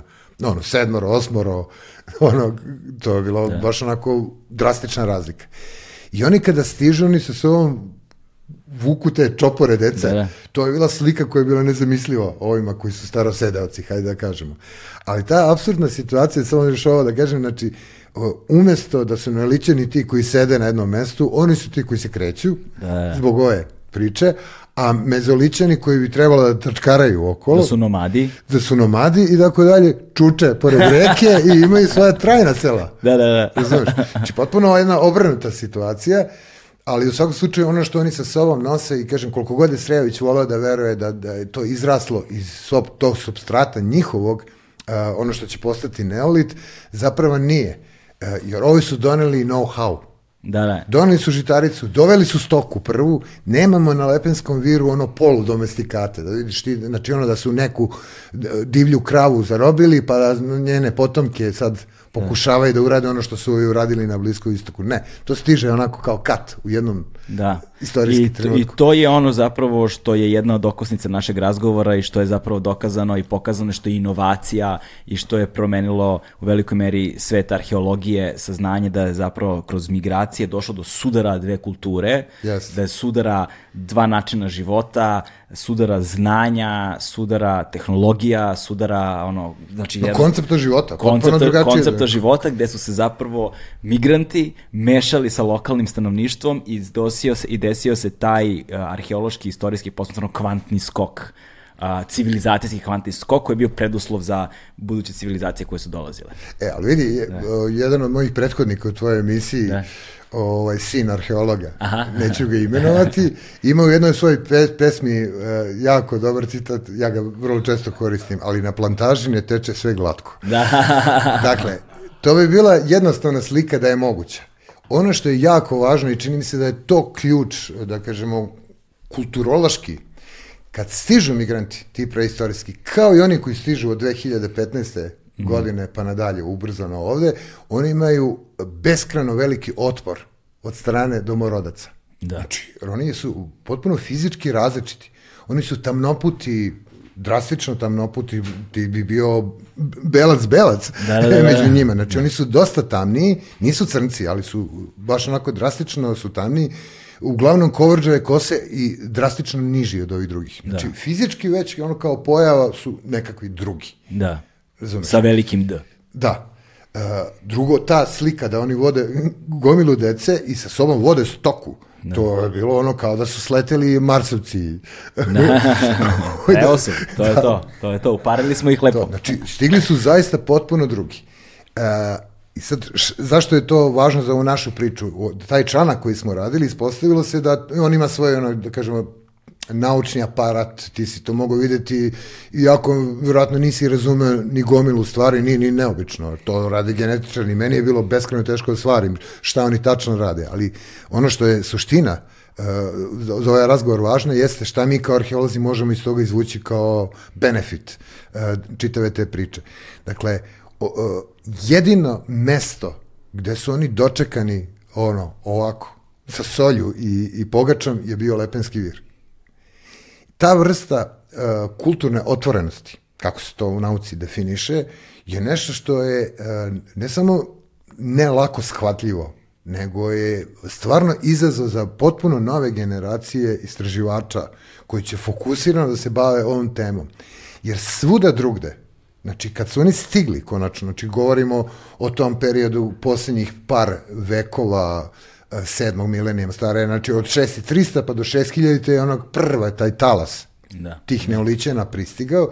Pa pazi, to je 300 godina, neko bi rekao, "U, to je mnogo vremena. Ma, to, uzmi tri generacije u proseku po veku, to je ono, ono tradicijsko sećanje, postoji na one prvu generaciju koji su stigli, bez problema. Da, ali s druge strane, kuda su se oni kretali, kako je izgledalo to kretanje, to znači da su se oni zaista brzo kretali, Jesu. ako uzmeš u obzir Da. ok, ok, okruženje kroz koje su se kretali. Nisu se oni kretali ko sada uprtim se pa idem peške autoputem. Znaš, Pa je- da, oni su morali prvo da poznaju staze i to je nešto što je sasvim sigurno još je profesor Garašanin uh, 60. godina pisao i etablirao celu tu priču o takozvanom balkansko-anadolskom kompleksu. Uh, kulturnom kompleksu, Da. ne psihosocijalnom. A, to je zapravo bio jedan ogromna teritorija. Mi danas ne, ne možemo lako da, da pojmimo kolika su bila njihova kretanja i poznavanja još i u vreme koje je prethodni neolito, a pogotovo od vremena neolita. Da. Znači, njihov svet je bio mnogo veći nego što mi pomišljamo. Ne ono njihovo seoce. Mi, mi to znamo na osnovu brojnih, mnogobrojnih zapravo detalja vezanih za materijalnu kulturu koji nam potpuno jasno svedoče. To je već domaći odrađen. U posljednjih 20 godina pogotovo. Određena vrsta kremena koja nije lokalnog porekla. Uh, obsidijan kao vulkanska stena koja je najbliža i utvrđeno je uh, vrlo egzaktnim ispitivanjima šta je njeno tačno poreklo, da stiže sa ono, da kažemo, zapadnih Karpata, današnja teritorija Slovačke, Uh, njega biraju, njega donose. To sve relacije po 300-400 km, pa onda ne znam nekakve takozvane spondilu školjke koji su pravili ono kao i svi domoroci jako atraktivan nakit, mm -hmm. uh, narukvice, ogrlice, perlice i tako dalje, koji su mediteranski. Znači ti vidiš da zapravo taj svet cirkuliše na mnogo širem prostoru, za, zaista od Anadolije, pa gore prema srednjoj Evropi i tako dalje, kod dobar dan. To je, znači, to je bilo neophodno prelaziti prostor ako se ide peške po mesec, dva dana, pod uslovom da znaš teren, da znaš gde da prođeš i da nemaš vrku. Da, i da nemaš frkova. Da. Da, da te susretnu drugi Da, da, ili, da. ili medo ili bizon ili tako dalje. Dakle, to, to su sve stvari koje kažem, mislim, ono su vrlo onako zdravorazumske, ali važne za razumevanje ukupnog tog konteksta i njihovog Mm. života. I on je što prepoznao arheološki da je postojao jedan velika, ono, kao tadašnja EU, da, da, da, da. razumeš koja je bila pomerana u odnosu na danas, njeno središte je upravo bilo Podunavlje, ovaj deo i tako dalje i nije ni čudo da je starčevačka kultura koja je nastala kao prva farmerska kultura, prva zemljoradnička, ono u fulu, što bi Da, rekli da. klinci, ovde stvorena po uzoru na ono što je već viđeno pa, pa možda neki, čak i oni najraniji, hiljadu godina pre toga na Bliskom istoku i ono sad ciklično, imaš grčku teritoriju kopnenu, znači ne mislim samo na ostrva, nego e, kopneni deo Grčke koji ima nekoliko stotina godina pre prve neolićane. Što je logično, oni su najbliži preko ostrva su se kretali, čamcima, sad može zamisliti i to, ta vrsta znanja more plovstvo, to nije uopšte naivna priča, od ostrva do ostrva i stigli su na prostor. Da. Stavi mene sad bez hrane i vode tako negde, pa plako bih posle sat vremena. Kakvi, znaš, e, koliko smo se mi otuđili od ne, toga. mnogi uzimaju zdravo za gotovo, kao pa dobro, onda su prešli čamcima. Ma nemo, evo ti čamac, napravi ga po da i drugo, da, ajde da te vidim preplovi Da, da, da. između Lesbosa i ne znam nije, Kiklada, kamoli da dođeš, znaš, u, u teoriju inkognitu. I onda tamo stvori. E, e sad ono što je interesantno još reći da ono, glavni brend tih ranih farmera što se tiče stoke, e, na jugu i na istoku je bila ovca ponegde koza, ali ovca je bila ono kao mala sitna stoka koju je e, lakše kontrolisati i tako dalje, dok je balkanski rani neolit njegov glavni bred, baš u Srbiji, centralni Balkan kad govorimo, je goveče. Goveče. Da. Kravica, moja kravica je tu bila i to je baš onako izuzetak uh, A ovde. ka, koji- u čemu, kako i zašto? E, Nije lako objasniti zbog čega. Jednostavno mapiramo, vidimo recimo Vojvodina ima i takođe ovcu, iako je ona severnija, znači kao da je između. Međutim, Pomoravlje, lokaliteti poput Blagotina ili ne znam nija u Šumadiji, sad postoje Grivac, Divostin Da. i tako dalje, svi ti gde imaju tragovi tih ranih. A, ovaj, znači, dominantnije je goveče, dominantnije je već u odnosu na lovine, jer oni ne, nikada nisu prestali da love. Da. Samo što je to ono, B varijanta. E, da, tu je sad ono što je zapravo fascinantno i što na prvi pogled ne deluje kao, kao, kao nešto uh, toliko fascinantno, ali ako se malo bolje razmisli, onda se shvati da jeste.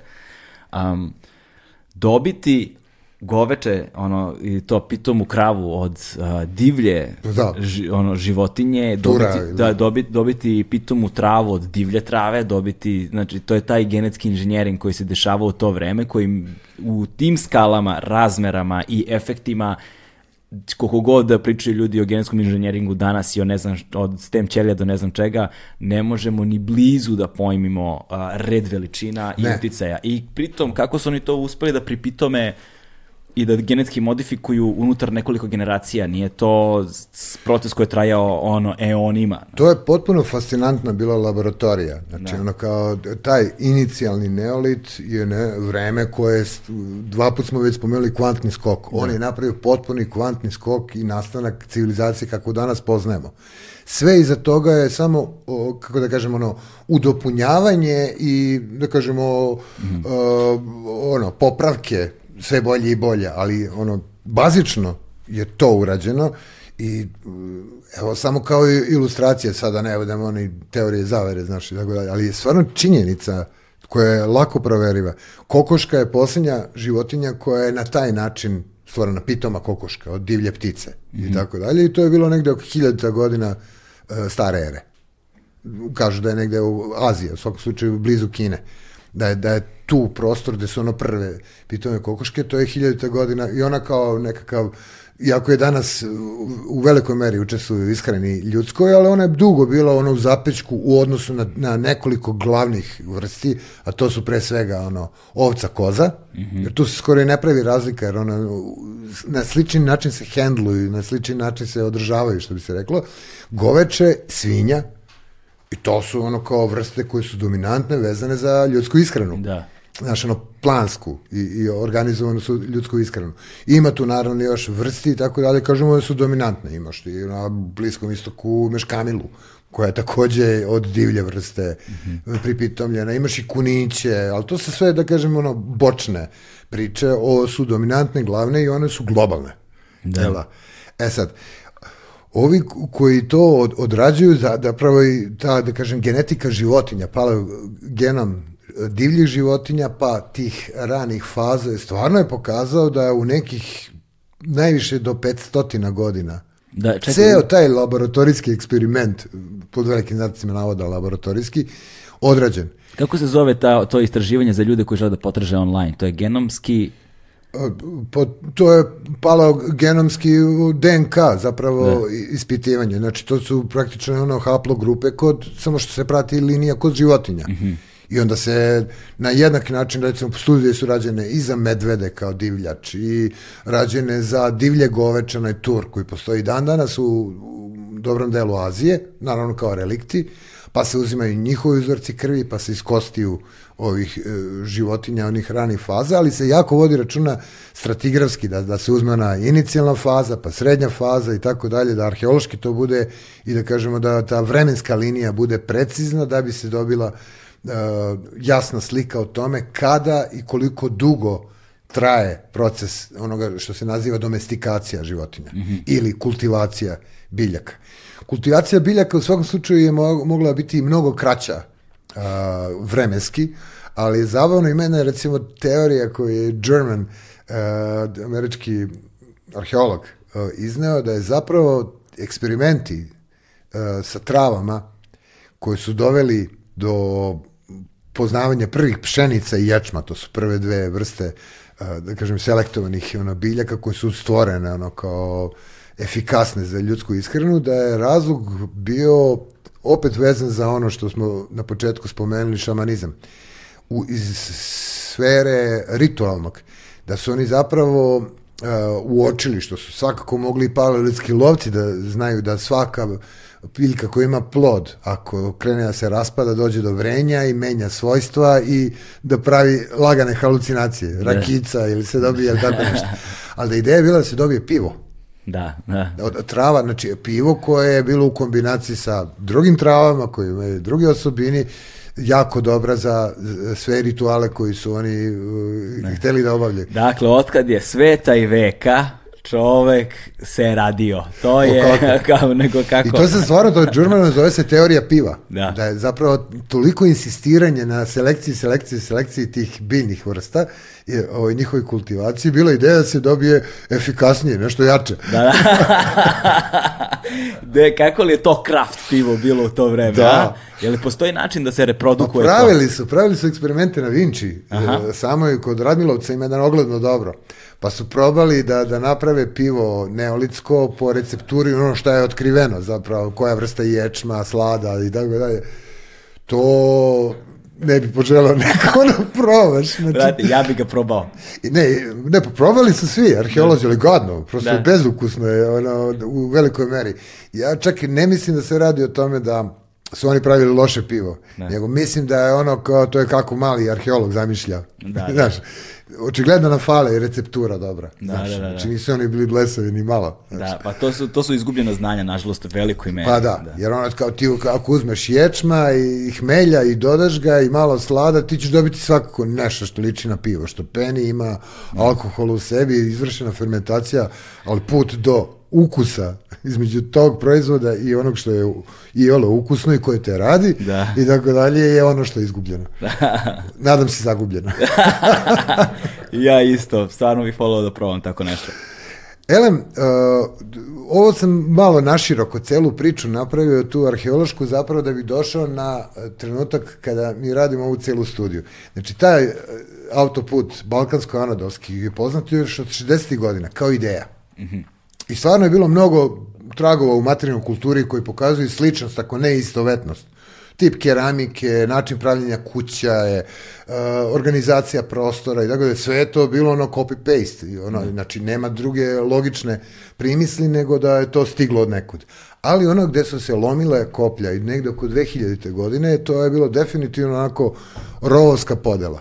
Od onih koji su zagovarali uh, ideju bukvalno transferu ljudi, i to je bila skoro pobeđena struja, do onih koji su to objašnjavali na drugi način, da je to transfer, transfer tehnologija, know-how. Da su oni silnim kretanjem i komunikacijom na daleko dolazili do ideje, aha, kako da se bolje napravi sekira, kako se napravi dobar nož, e, ne znam, Misliš da, za- zapravo da, da su bile te periferne grupe ljudi koje su bile granične jedne u odnosu na druge je. i da su se na taj način prenosila znanja i vide od ovog šta ima pa onda proba da napravi svoje pa... Ili u- aboriđani u Australiji, to je potvrđeno, Malinovski je što je ispitio takozvani, pa, najbliži prevod na engleski je travelers. Da, da. Da je postojala no, grupa isto tako ritualizovana ljudi koji bi ono kroz razne procese Kao i- ekspedicija, bili poslati. bili da pioniri koji su odlazili u nepoznatom pravcu oni su cijeli svoj život provodili zapravo van svoje matične sela, matične kulture i tako dalje i obilazili su kao ping pong i oni su bili internet tog vremena. Doslovno, jer se kretali iz svih pravaca razni i prenosili informacije, ideje, robu i tako dalje. Znači, to, nije, to je legitimno kao i potvrđeno u antropologiji. Znači, postoje takve stvari. Ali, kažem, ta manja grupa, oni koji su zagovarali da nije samo to, nije to moglo biti samo transfer uh, znanja ili tehnologije iz razloga što je do te mere frapantna sličnost određenih predmeta, određenog modela, ka- kažem, u, organizaciji kuće, korišćenja životinja i hrane i svega, rituali. Znači, to je najosjetljiveno kao način kao, koje prave svoje boginje Da. ili bogove kako ih ovoploćuju, znači to je nemoguće da bude copy-paste, ono, 3000 km. Sad ja putujem i sad sam nešto video, vratio se nekad u svoje selo i prepričavam. Ono, bogovi postoje ovaki i onaki, a i ovako izgledaju figurine. I sad neki koji je veš grnčar ili zanatlija, hoće to da proba, znaš. Ma kako pogodi baš u dlaku, ono, Da. i oblik oka, i stav tela, i glave, i svega, znači bez greške. Znači pomišljali su, imali bilo dosta argumenta koji su govorili u prilog toga da nije to tako jednostavno, da je moguće da je stvarno ono, cela grupa prešla sa tačke A u tačku B. E sad, to samo po sebi ne bi bilo ni toliko kao zanimljivo kao tema. Mnogo je značajnije to što je stalno potencirano ta priča da je, to nisam upotrebio kao jednu običnu frazu, svet kakvog danas poznajemo su kreirali upravo kreirani u to vreme, sve dalje nadogradnja. Znači, način života koji mi danas živimo, znači, ugasi ovu struju, poisključuju i skloni naftu i evo nas za čas u neolitu. Da. Znači, mi ništa zapravo suštinski novo e, nismo, ono, što se tiče planete, zemlje oko nas, sveta oko nas, smislili umeđu vremenu. E tako, to važi i za priču o kultivaciji biljaka i pripitomljanju životinja. Znači, zašto je bio izbor baš tih vrsti, koje su dan danas dominantne u ljudskoj ishrani, a, zašto je način na koji je to urađeno poprilično neshvatljiv. Za tako kratko vreme, znači, to sa biljkama, ajde još i mogu da razumem taj da, da. genetsku laboratoriju gde su to odradili. Ali sa životinjama, znači mi nismo uspeli kao civilizacija, zato sam spominjao one kokoši, ono, hiljete godine, ona kao incident, eto da. još jedna vrsta, a nakon toga ljudska vrsta, uključujući i sasvim moderne, jer tako, i znanja tehnološka i tako dalje, nije ni jednu da. da kažem, domestikovala drugu vrstu koja bi mogla bude potencijalno interesantna za, za planetu. Ne da nije htela, nije umela i danas ne umemo. Da. E sada, koliko ljudi je učestvovalo u tom istraživačkom radu, koliko je to trajalo sad? E sad, ideja jeste bila da se ono, stvarno ispita da ili ne. Da li su došli oni ili da, mislim, to je onako simplifikovano potpuno ta priča. E, to je, koliko ja znam, u poslednjih deset godina najveće ono, globalno istraživanje koje je okupilo timove, znači globalno govoreći. To je bilo mislim, sam članak ima 117 autora. Da, da, da. Preko 80 institucija, što, da kažemo, medicinsko, genetski, genetičarski, bioloških i tako dalje, što arheologa, antropologa i tako dalje, muzealaca, instituta i tako dalje. Znači, susreo se svet koji se inače ne susreće. Dakle, 117 autora jednog rada iz celog sveta. Tako je. I da, to... Čisto da razumemo red veličina da, da, o da. čemu mi pričamo. I to su čitavi timovi, ja sam imao neobičnu sreću, ne, ne ja, ne, ne stavljam sebe stvarno na prvo mesto, ali e, isključivo tri autora su bili iz Srbije. Dušan Borić, Dragan Antonović koji je na institutu i evo ja zato što smo imali ono ključni taj materijal i prepoznali šansu, to je bilo još 15. godine, kad su nas kontaktirali prvi put David Reich je ono ko da kažem, rukovodila ste velike laboratorije na Harvardu, on istovremeno predaje na MIT-u, znači to je stvarno na svetska A1, ono, da, klasa da. nauke i projekat koji je finansiran, ne znam, nije sad ni tema, ono, ali nezamislive cifre. Da, da, ove, znači oni su kontaktirali vas? Tako je, oni su pozvali nas da li imamo potencijalno interesantno materijal, temu i tako dalje, rade ovakvu i ovakvu vrstu studije. Uh. -huh. I mi upalila se lampica, e to je ono kad sam ja govorio petnički, znači nama ne da nije trebalo puno vremena, nego ovako na kvrc da, je da. bilo, aha, imamo to i to. Znači mi smo za ekspresno vreme, ono, ne samo selektovali uzorke, znači to su pre svega ljudski skeleti, pa njihovi delovi koji su zgodni za uzimanje uzoraka, za dobijanje tog, da kažem, drevne DNK mm -hmm. iz njih očuvane, nego smo o, odmah napravili celi paket aranžman, znači ono personal ID, znači da, da. Ono, za, za svaku osobu, sve arheološke elemente, omogućili da se datuju, što je jako važno, datovanje u arheologiji danas je ono sine qua non, znači bez toga ne može da se priča o događajima, o sledu i tako dalje, a srećom postoje tehnike utvrđivanja prilično preciznih datuma, takozvana tehnika AMS, Mm -hmm. ovaj, da ne komplikom sad objašnjavajući šta je Nema to tačno. slobodno reci, zanima. Od, pa to je jedna od tehnika, vrlo unapređena tehnika uh, ispitivanja radioaktivnih substanci Aha. koje upija za života svako od nas iz svemira, kosmička zračenja. To je ta, originalna metoda, to je Libi još 54. Ono, dobio Nobelovu nagradu za to fizičar, e, C14. Znači, to je jedna od modifikacija otropskih, da kažemo, ugljenika, to je, to je radioaktivni ugljenik, koji mi, sve dokle organizam živi, e, mi ga upijamo. To su užasno male doze, nisu ni opasne i tako dalje, ali se akumulira, što je najbitnije. I to najprije u kostima, da. koštanoj srži. E, on je uh, uspeo da, da shvati da svi ti živi organizmi, pa znači i biljka, drvo, tako dalje, takođe upijaju da onog momenta kad organizam umre, počinje njegovo raspadanje tog radioaktivnog i stvaranje od njega običnog ugljenika.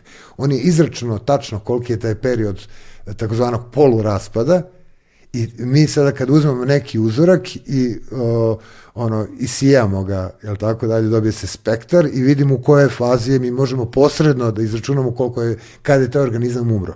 Eto, to je generalno princip. Koliko je preciznan? To je preciznan E sad, te rane uh, faze od 60-ih, 70-ih, dugo je korišćen taj radioaktivni ugljenik metoda, uh, imaju neku svoju standardnu grešku koja je nekada zavisi od dosta faktora i onako prilično je triki za izračunavanje precizno, ali nikad ti ne dobiješ ono datum 16. juli about tea time, znaš, ono, te i te godine, nego dobiješ rang od do sa stepenom greške, recimo najpouzdanija na neke dve sigme, to je 92-3% pouzdanosti, ti dobiješ opseg sigurno je od ovog do ovog perioda, pa je to malo šire. Mm -hmm. Ali ta nova napređena metoda koja se već koristi jedno dve i po, tri decenije, AMS, ona je sada omogućava mnogo manju tu standardnu devijaciju, standardnu grešku i preciznije datume i pouzdanija je generalno. Mm -hmm.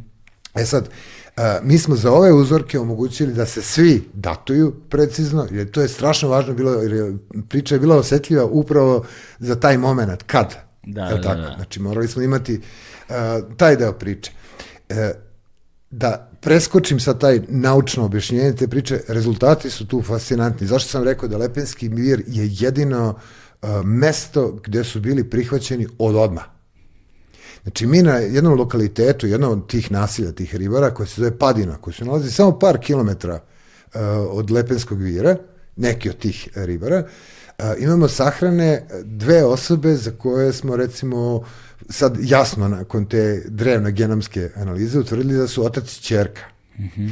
Imamo na vlascu blizance, novorođenčad i tako dalje. Ali ono što je mnogo važnije, i na Padini, na Hajdučkoj vodenici, na Imani, imamo prvu generaciju dece koja je rođena iz, hajde kažemo, braka Aha. između ribara i neoličana koji su stigli. Znači koji imaju potpuno ono elemente ono na Y. Iz mešovitog braka. Iz mešovitog braka, Ova, deca. Ja. e sad, ajde što su oni samo nastali iz mešovitog braka, nego nešto što je daleko važnije. Oni se, njima dozvoljavaju da se sahranjuju pokraj njih. Oni se potpuno drugačiji sahranjuju. To je potpuno drugačija ideologija. Znači, to je fizički se lako primeti, znači lepenci, tako da kažem, ti mezolitski, oni se sahranjuju opruženo, ko danas, što sahranjuju ljuki, ruke, o, ljudi a, na, na leđima opruženi i ono što je bilo važno, njima princip nije bila važna strana sveta, ali uglavnom je to bilo slično usmerenje, jer je bila a, pogled niz reku. Aha. To je bilo jako važno, niz reku. I gde god je postavljen kako krivuda Dunav, da, na različitim lokalitetima, da uvek je paralelno sa sa rekom, s tim da, da glava ovaj, okrenuta nizvodno. Niz, nizvodno niz reku. I to ako ti prepoznaješ lako ono lepence u, u odnosu na druge kad su sahranjeni i tako dalje. A ovi potpuno nose svoj koncept koji će se ponavljati kao matrica kroz Starčevu, kroz Vinču, mnogo poznije, taj razvijeni neolit, oni se sahranjuju obavezno u uh, takozvanom zgrčencu. U fetusu. U fetusu, jeste, sa jako savijenim nogama, rukama, ruka pod bradom, na boku, najčešće je to ono levi. na levi boku, ali ima primjera gde je na desnom, sad orijentacija je manje više, kako koji, ima ih ono, koji su mislili da tu postoji pravilo, ima mnogo stupanja, tako da u suštini nema velikog pravila, ali ovo je ključno, i onda sa različitim darovima. Znači, neko dobije sekiricu ili nož ili tako nešto, ako je muškarac, žena dobija zdelicu sa, sa hranom, znači ostatke hrane i neki predmet koji je ženskog sveta, tako da kažem, ono, kalem za konac ili ja. Da. igla i, i tako nešto. To, to su neki, da kažem, neolitski standardi. Je li nam ovo dobar trenutak da pomenemo 2019. ili... Da, ne, ali, da, zašto ne? Da, zašto ne? Ali, ali nastavi, nastavi pa ćemo ono, Vaš? shvatit će ljudi zašto sam, za, zašto, zašto sam to rekao kad dođemo do toga. Okej. Okay. Ovaj, e sad, e, znači, e, ono što smo mi otkrili tu nigde u čitavoj studija, pazi, urađeno je ukupno 225 skeleta različnih, znači individua, osoba, iz cele Evrope, ono, od Španije preko Urala pa do Grčke. Mm. Znači, ono, pokrivena je zaista jugoistočna Evropa, a ovo su uzete kao kontrolne grupe. Jer rađen je još jedan deo studije koji možda sad nije ni važan za ovaj razgovor, ono, poznije doba, stepska kultura i savremeno stanovništvo, da kažemo, zapadne i severne Evrope, ono što sam spomenuo. Oni su potomci definitivno nekih sad drugih. Ovaj, ali jedino u Đerdapu i ovom delu uh, Srbije se dogodilo da su bili potpuno prihvaćeni. Kad kažem, mislim, to, mešoviti brak, dešavalo se to između neandertalaca i kromanjonaca. Znači, da. to, to znamo još od pre. da su se, ono, jer su biološki moguće, ono, ti mečevi i tako dalje, ali uh, ovo je sad stvar kulture i identiteta. Da, da. Znači, Sad govorimo o jednom kompleksnijem fenomenu, značajno, da. I, znaš šta je ono fascinantno, Dušan Borić je svojevremeno napravio ono, čitav niz studija, on se baš posvetio dobar eh, deo karijere upravo Lepenskom viru i neke vrste reinterpretacije onoga što je Srejević originalno davao i to je izuzetno važno danas za razumevanje čitave slike. Uh, ispostavlja se, znaš, da, da e, dakle, kad ti gledaš ono, da, da su oni dozvolili njima da se sahrane pored njih, to stvarno znači da su prihvaćeni. Da. Znači, oni, ako na istom naselju, na istom mestu, ono gde je ovo groblje, ti nekim sasvim drugima, pa evo, uzmimo samo kao asocijaciju, ne mora nužno da to bude odgovor na pitanje zašto ne, ali ako odeš u Sarajevo ili Bosnu, znaš, ti imaš jevrejsko, Ma da. bošnjačko, to je muslimansko i pravoslavno kao vrlo različita groblja. Ili- Evo, odeš ovde na centralno groblje u Beogradu, pa ti je ono islamska parcela odvojena, znaš, mislim, prosto... Dan danas se prave te Da, podele. separacije koje su zapravo nisu ono puka slika, Mm. da kažemo pozitiv, negativ životnih uslova, to je realnog da, odnosa da, da, važno, važno je da ljudi razumeju da ih ne, ne pravimo vrednosnu odrednicu, Naravno. nego deskriptivnu odrednicu. Jasno, jasno, da. jasno, jasno. Ali je činjenica da se razlikuje, a tu je posebno važno, jer pazi, svaka sahrana nije e, u prvom planu pokojnik. Mm. Koliko god mislili ljudi da jeste. Ne, to je uvek poruka živima. Znači, taj, imaš signale koje šalješ živima. Mi živimo tako. E, mi pokojnike tretiramo tako, verujemo u to i to i to je, znaš, šta, šta ti pokojniku možeš da poručiš? Ti poručuješ ljudima okolo. Da, Jel tako? da, da. Ko smo mi? I, I stalno je ta priča, ko smo mi? E sad, to ko smo mi, lepenci, tad, zato sam rekao, zahvaljujući Dušku Boriću, ispostavila se sva ta datovanja koje su napravljena, fina rezolucija u toj slici kod Lepenskog vira, ispostavilo se da sve one ključe stvari po kojima je Lepenski vir i čuvan, one skulpture divne, tako da je nastaju u vreme kontakta. Jer stvarno je, nije lako i zamisliti da mezolitski ribari ono, klešu i prave ideje o svojim bogovima ili tim vrednostnom sistemu koji izražavaju sami sebi. Mm. Znaš, kad oni to inače u živom životu, e, svakodnevnom životu poznaju. I ovo nekako meni mnogo više pije vodu. Da. Razumeš, došli su drugi i sad njima treba emitovati poruku, aha, mi smo ovde bili pre, ovo je naše, ovo je naš identitet i tako dalje, da u tom smislu učestvuje a, sva ta, da kažemo, ono sad hiperinflacija skoro a, skulpturalna, koja je, i, uzgred budi rečeno, prva monumentalna skulptura Evrope, to je ostalo dan danas. Znači, ta ideja, to nije ono puko ono zezanje sa glinom ili Da, kamenom da, da, da. napraviš nešto, nego ono ti sad želiš da ostaviš spomenik, to je spomeničko nasleđe. Razumeš? Znači i u njihovom životu, a je očigledno i posle mnogo generacija. A, ovaj, a vrlo je zanimljivo, to smo pominjali ovaj, usputno, a, imam ovde, sad po, pogledom pokušavam da nađem knjigu, aha, evo je ovde, a, Marko, vidiš ovde kod a, repa aviona, ima knjiga, piše Sunce Lepenskog vira, evo ga. Da, da. Ta, ta, pažljivo samo. E, to, Da ne ode, da ne ode jat. da ne ode. Da, da, to su ona čuvena dva sunca Lepenskog vira. Mislim, ti da. sigurno znaš o čemu se radi. i Hristivoje, da. Da, ja da. imam sa posvetom kao i ti. Jeste. Ovaj, a, i to je, mislim, dobro, znaš, e, da, i, i to vrlo, vrlo, vrlo zanimljivo, sad, to, to je ovo ono objašnjavanje ovoga ovo kamenje pozadi, da. Tako je, tako je. Da. Ovaj, to, je, to je isto vrlo, vrlo zanimljiva stvar, sad to tek treba dokazati, naravno, ne bih, ne bih, ne bih se zaletao ja, ta, ja išao tako daleko, ali je, ali je zanimljivo šta Ovo sam mu ja dao. Da? Ovaj komad sam mu ja dao. Hristivoju. Stvarno? Wow, Da, čoveče. on je sad već postao, da kažem, mezimče uh, raznih interesovanja, ono kao priča o pismu, o ovome, da, ono, da. Lepenski. Ne bi ja sad mnogo ulazio u sve te stvari, ali u svakom slučaju i ovo je svedočansko je jako dobro, da. Hristivo je arhitekta. Mhm. Mislim, on čovek iz druge branše, ali onako strastveno se zaljubio u Lepenski vir, tu priču upravo o izboru mesta, ono što sam Mhm. govorio, jer ono je u nekoliko elemenata famozno mesto, znači postoji to brdo Treskavac Tako koje je ovde tako na današnjoj rumunskoj obali i gleda ga i stvarno ne treba biti mnogo pametan, pa Srević to prvi primetio još 66. godine, kad sam se ja rodio, da oblik tog brda neobično podsjeća na osnove njihovih koliba. Da, da. I onda ide ta priča cela da ni te kolibe nisu onako randomly Da. uh, ono pravljene, nego da su imali svoju geometriju, matematiku i to je još i pre Hristivo je značajno e, Peđa Isus, kako su ga zvali, takođe bio arhitekta, ovaj, koji je radio upravo proračune kako su oni uz pomoć doslovno štapa i kanapa mogli da naprave potpuno jasnu geometriju tog, da kažemo, isečka prstena. Mm -hmm. Jer to najviše podsjeća na isečak prstena. Da, da, Ovaj, da. ta osnova i zašto je ona funkcionalno dobra i tako dalje. Znači, svega tu ima. Tr brdo Treskavac je toliko dominantno i ne samo da je neobično brdo preko puta, nego je ono mali Olimp. Ja sam prisustvovao u dva navrata olujama na Đerdapu, kad krenu, kad padne ono, sastavi se ovaj, nebo i, i reka, sve je voda odjednom, i Treskavac je mesto gde biju gromovi Znači, to, raspametio bi se to da vidiš. Znači, stvarno, ne možeš da ne, ne poveruješ u ono, ono zemaljsko, Da, znaš, da, kad da. gledaš u njega. I ovaj, ono je prosto ono je takođe jedna identitetska stvar.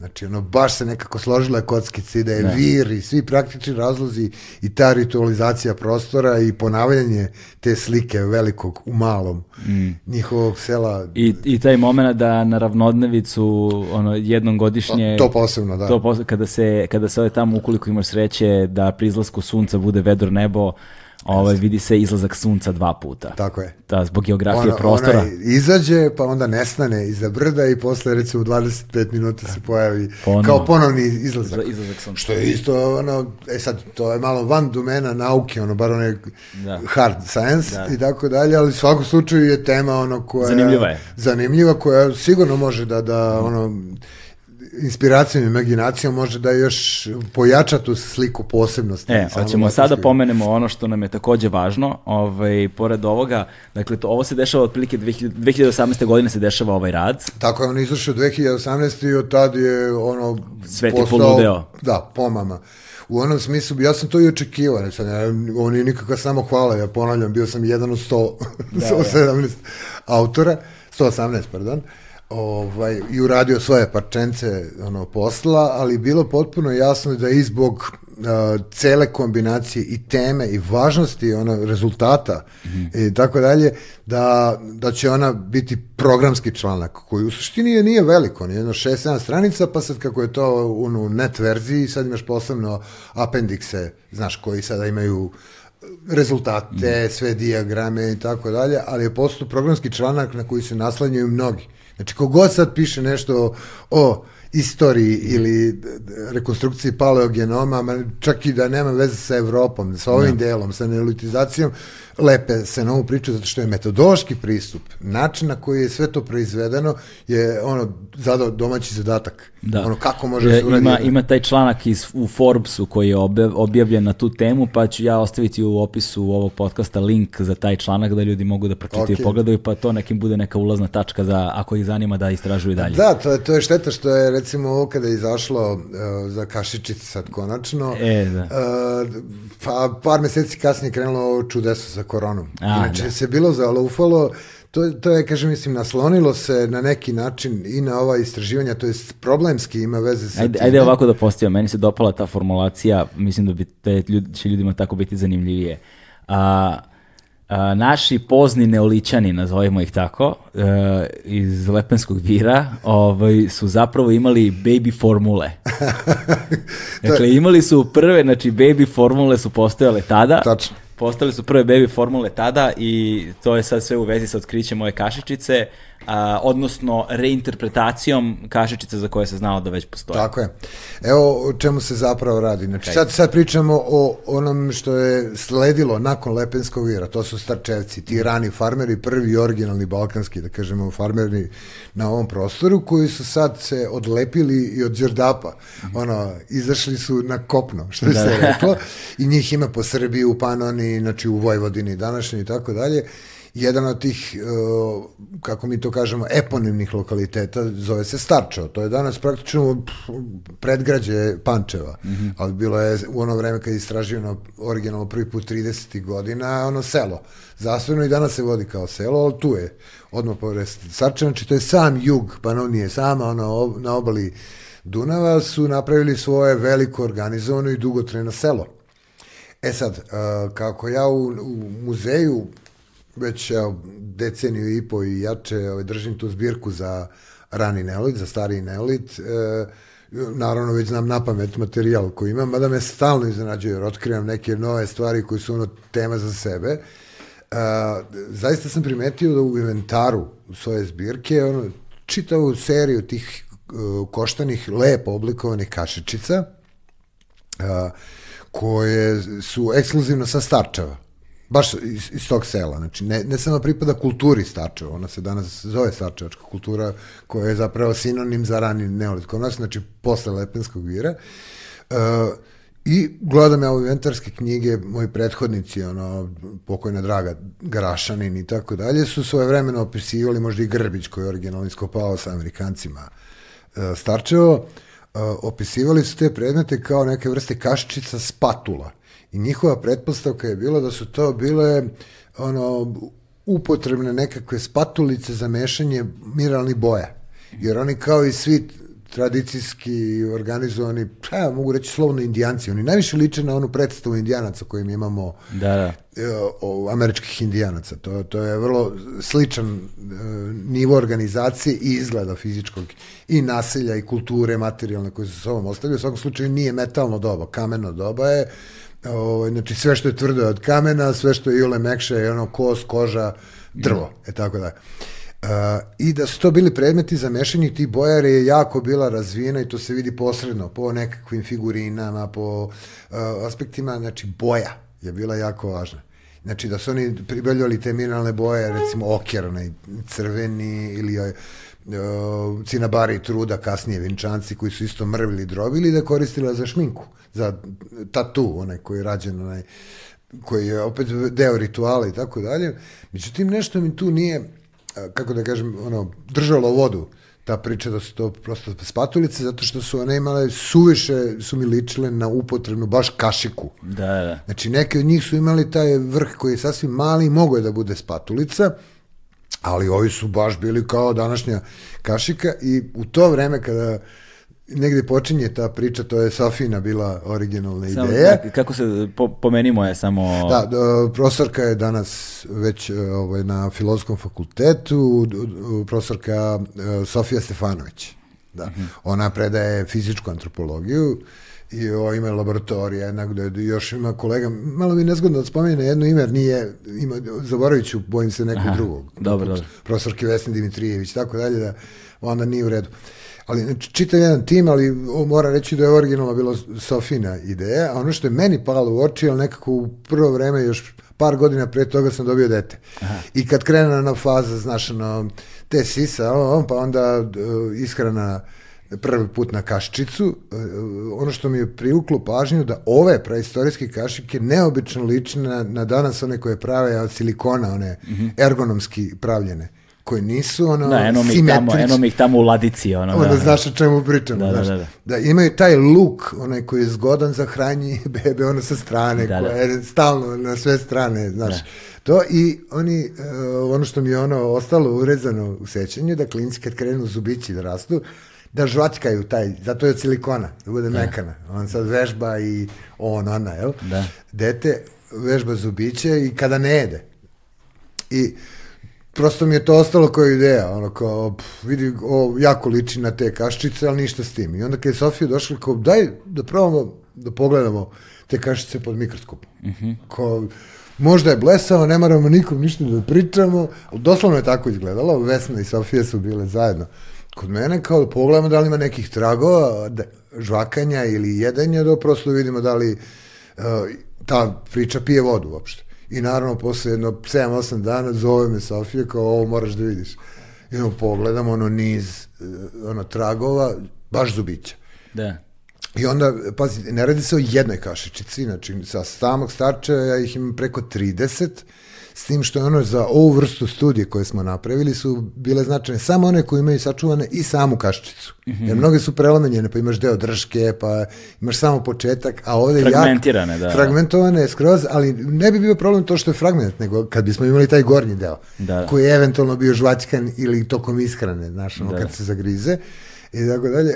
Znači tu smo suzili na nekih 11 uh, kašičica koje su sa starčeva. Posle se ispostavilo kad je rađena onako malo šira slika, da postoji sa donje branjevine, da postoji druge lokaliteti, ali naravno mnogo manju meri nego što ih ima na samom starčevu.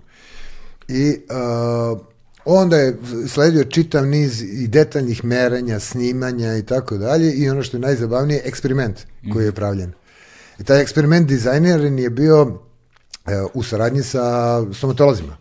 Aha. Ali onim ozbiljnim stomatolozima, ne ovi koji rade, što popravljaju zube, nego koji rade istraživanje i vilice i svega ovo i tako dalje. Bila je napravljena bukvalno ona kao e, casting Proteza.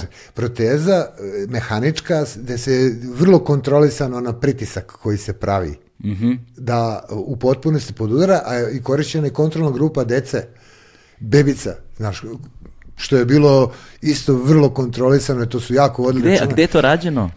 U Novom Sadu U Novom Sadu je to sve na rađeno. univerzitetu da da A, reci, brate, kak, kakav ono scenario ne bi niko nikad rekao. Da, Pa da, ja, to je bilo ono bukvalno igranje u nauci, ali vrlo inteligentno, ono osmišljeno igranje, gde je pravljena čita serija tih zagrižaja, grickanja da bi se mogli porediti tragovi kakvi su otkriveni na ovim originalnim kašičicama i ono što u moderno vreme deca tog uzrasta, odgovarajuće kad rastu zubići i sve živo, ka, kakav trag ostavljaju. A napravljene su bile kašičice koje su potpuno ono, izbor vrste kosti, način obrade, identične. Znači, ne ono puki model, znaš, koji liči na nešto. Mora da, da sve kriterijume da bi bio kontrolisani naučni eksperiment, ti moraš da imaš kontrolisane uslove. Da, da, u da. potpunosti koje možeš da pratiš. Da bi empirijski dokazao. Pa da.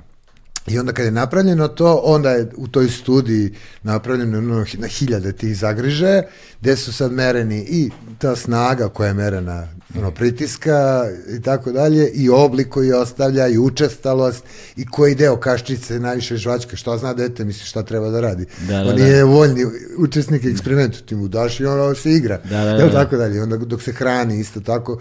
Znači, e, prvo je ispostavilo se, što nije bilo ni teško za pretpostaviti, da, da to radi, da ti stvarno možeš da hraniš bebice sa time, bez problema, ali pod B je bilo važno ovo što imamo arheološki i treće, e, rađena je, e, isto empirijski jako važno, ostaci to su jako sitni tragovi, da kažemo fosilizovani tragovi e, ostataka mlečnih kiselina koje su otkrivene Wow. iz žitarice.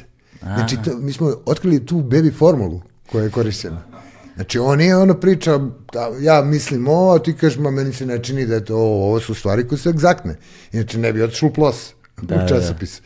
I to je bilo recenzirano vrlo ozbiljno, ono kao i napravilo odjek odmah u Forbesu. Izašlo članak jedna žena koja je sticam okolnosti po vokaciji arheolog, završila arheologiju, ali tamo je urednik za sve i svašta, ono što ima veze sa kulturom, sa popularnom kulturom, mainstreamom, Forms i onako jedan od važnih časopisa koja je odmah reagovala na, na keca, ono, kao, pošto je sam naslov članka bio isto intrigantan, ono, e, kako smo ga tačno beše nazvali, da, kašičice za preistorijske bebe. Da, da, da. da. Znači, ono, odmah u glavu i onda pa ono, dve tačke pod naslov Starčevo slučaj i tako dalje.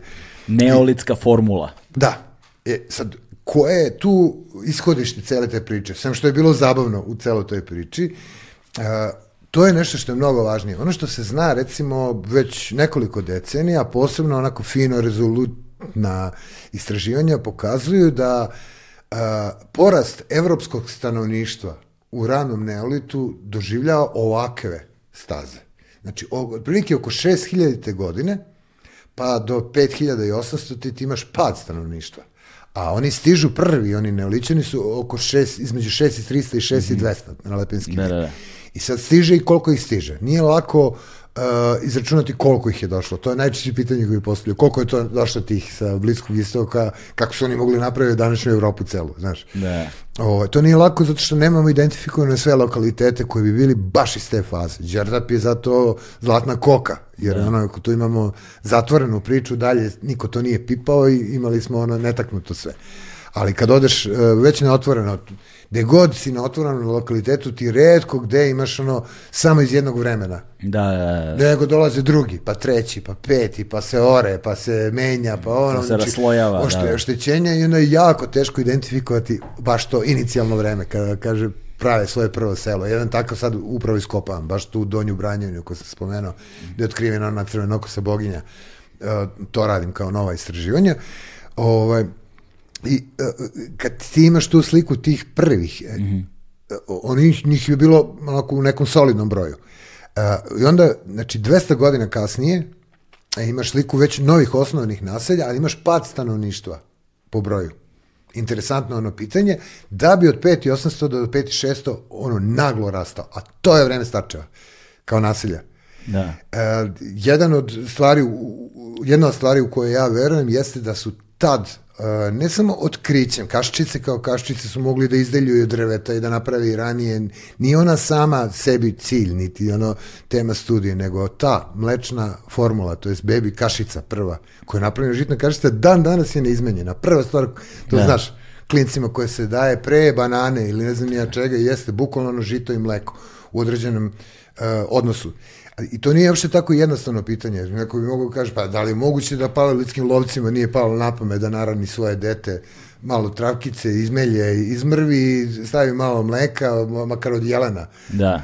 E, na plantaži ne teče sve glatko. e, mleko u svom onom e, onom formi u kojoj smo mi navikli, ono iz tetrapaka ili od krave i tako dalje, ljudski organizam tada nije mogao uopšte da svari.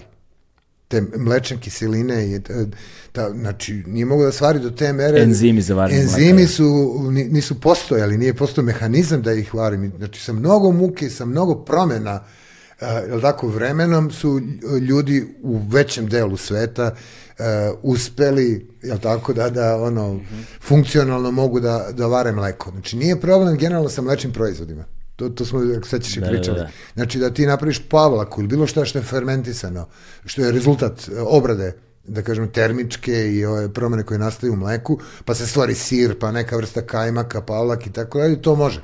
Ali samo mleko, do te mere, recimo, znam da za dobar deo populacije jugoistočne Azije, da oni definitivno povraćaju odrasle osobe kada piju mleko. Ne mogu da ga vare.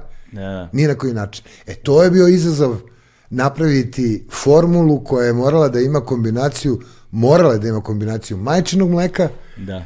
i kravljeg u maloj dozama ili od ovce, o, koza ima još jače mleko, to je još veći problem da, je sa time, i da se napravi uspešna formula. Onog momenta kad su napravili uspešnu bebi formulu, uh, oni su kulturološki, ono, žene, oslobodili muka pre svega, onog, hranjenja stalnog, onog traženja sise i tako dalje. Znači ona je fizički mogla da ima mnogo više vremena nego što je imala do tad. Mm. I više dece. I naravno i više dece. A i stepen I, preživljavanja i nutri, nutricionističke prehrane, ono... E, ono što do, do sada znamo, nakon tog članka, mislim, to znamo pouzdano da po toj da kažem krivi koja je imala ono kao pad koji je očekivani nakon one inicijalne faze došlo je toliko pa nisu u startu uspešni, ne znaju sva znanja, razumeš, ono, neolitska, da će doći do pada populacija, znaš, znači, da će mm -hmm. bude manje dece, nekoliko generacija dok se nisu ustalili.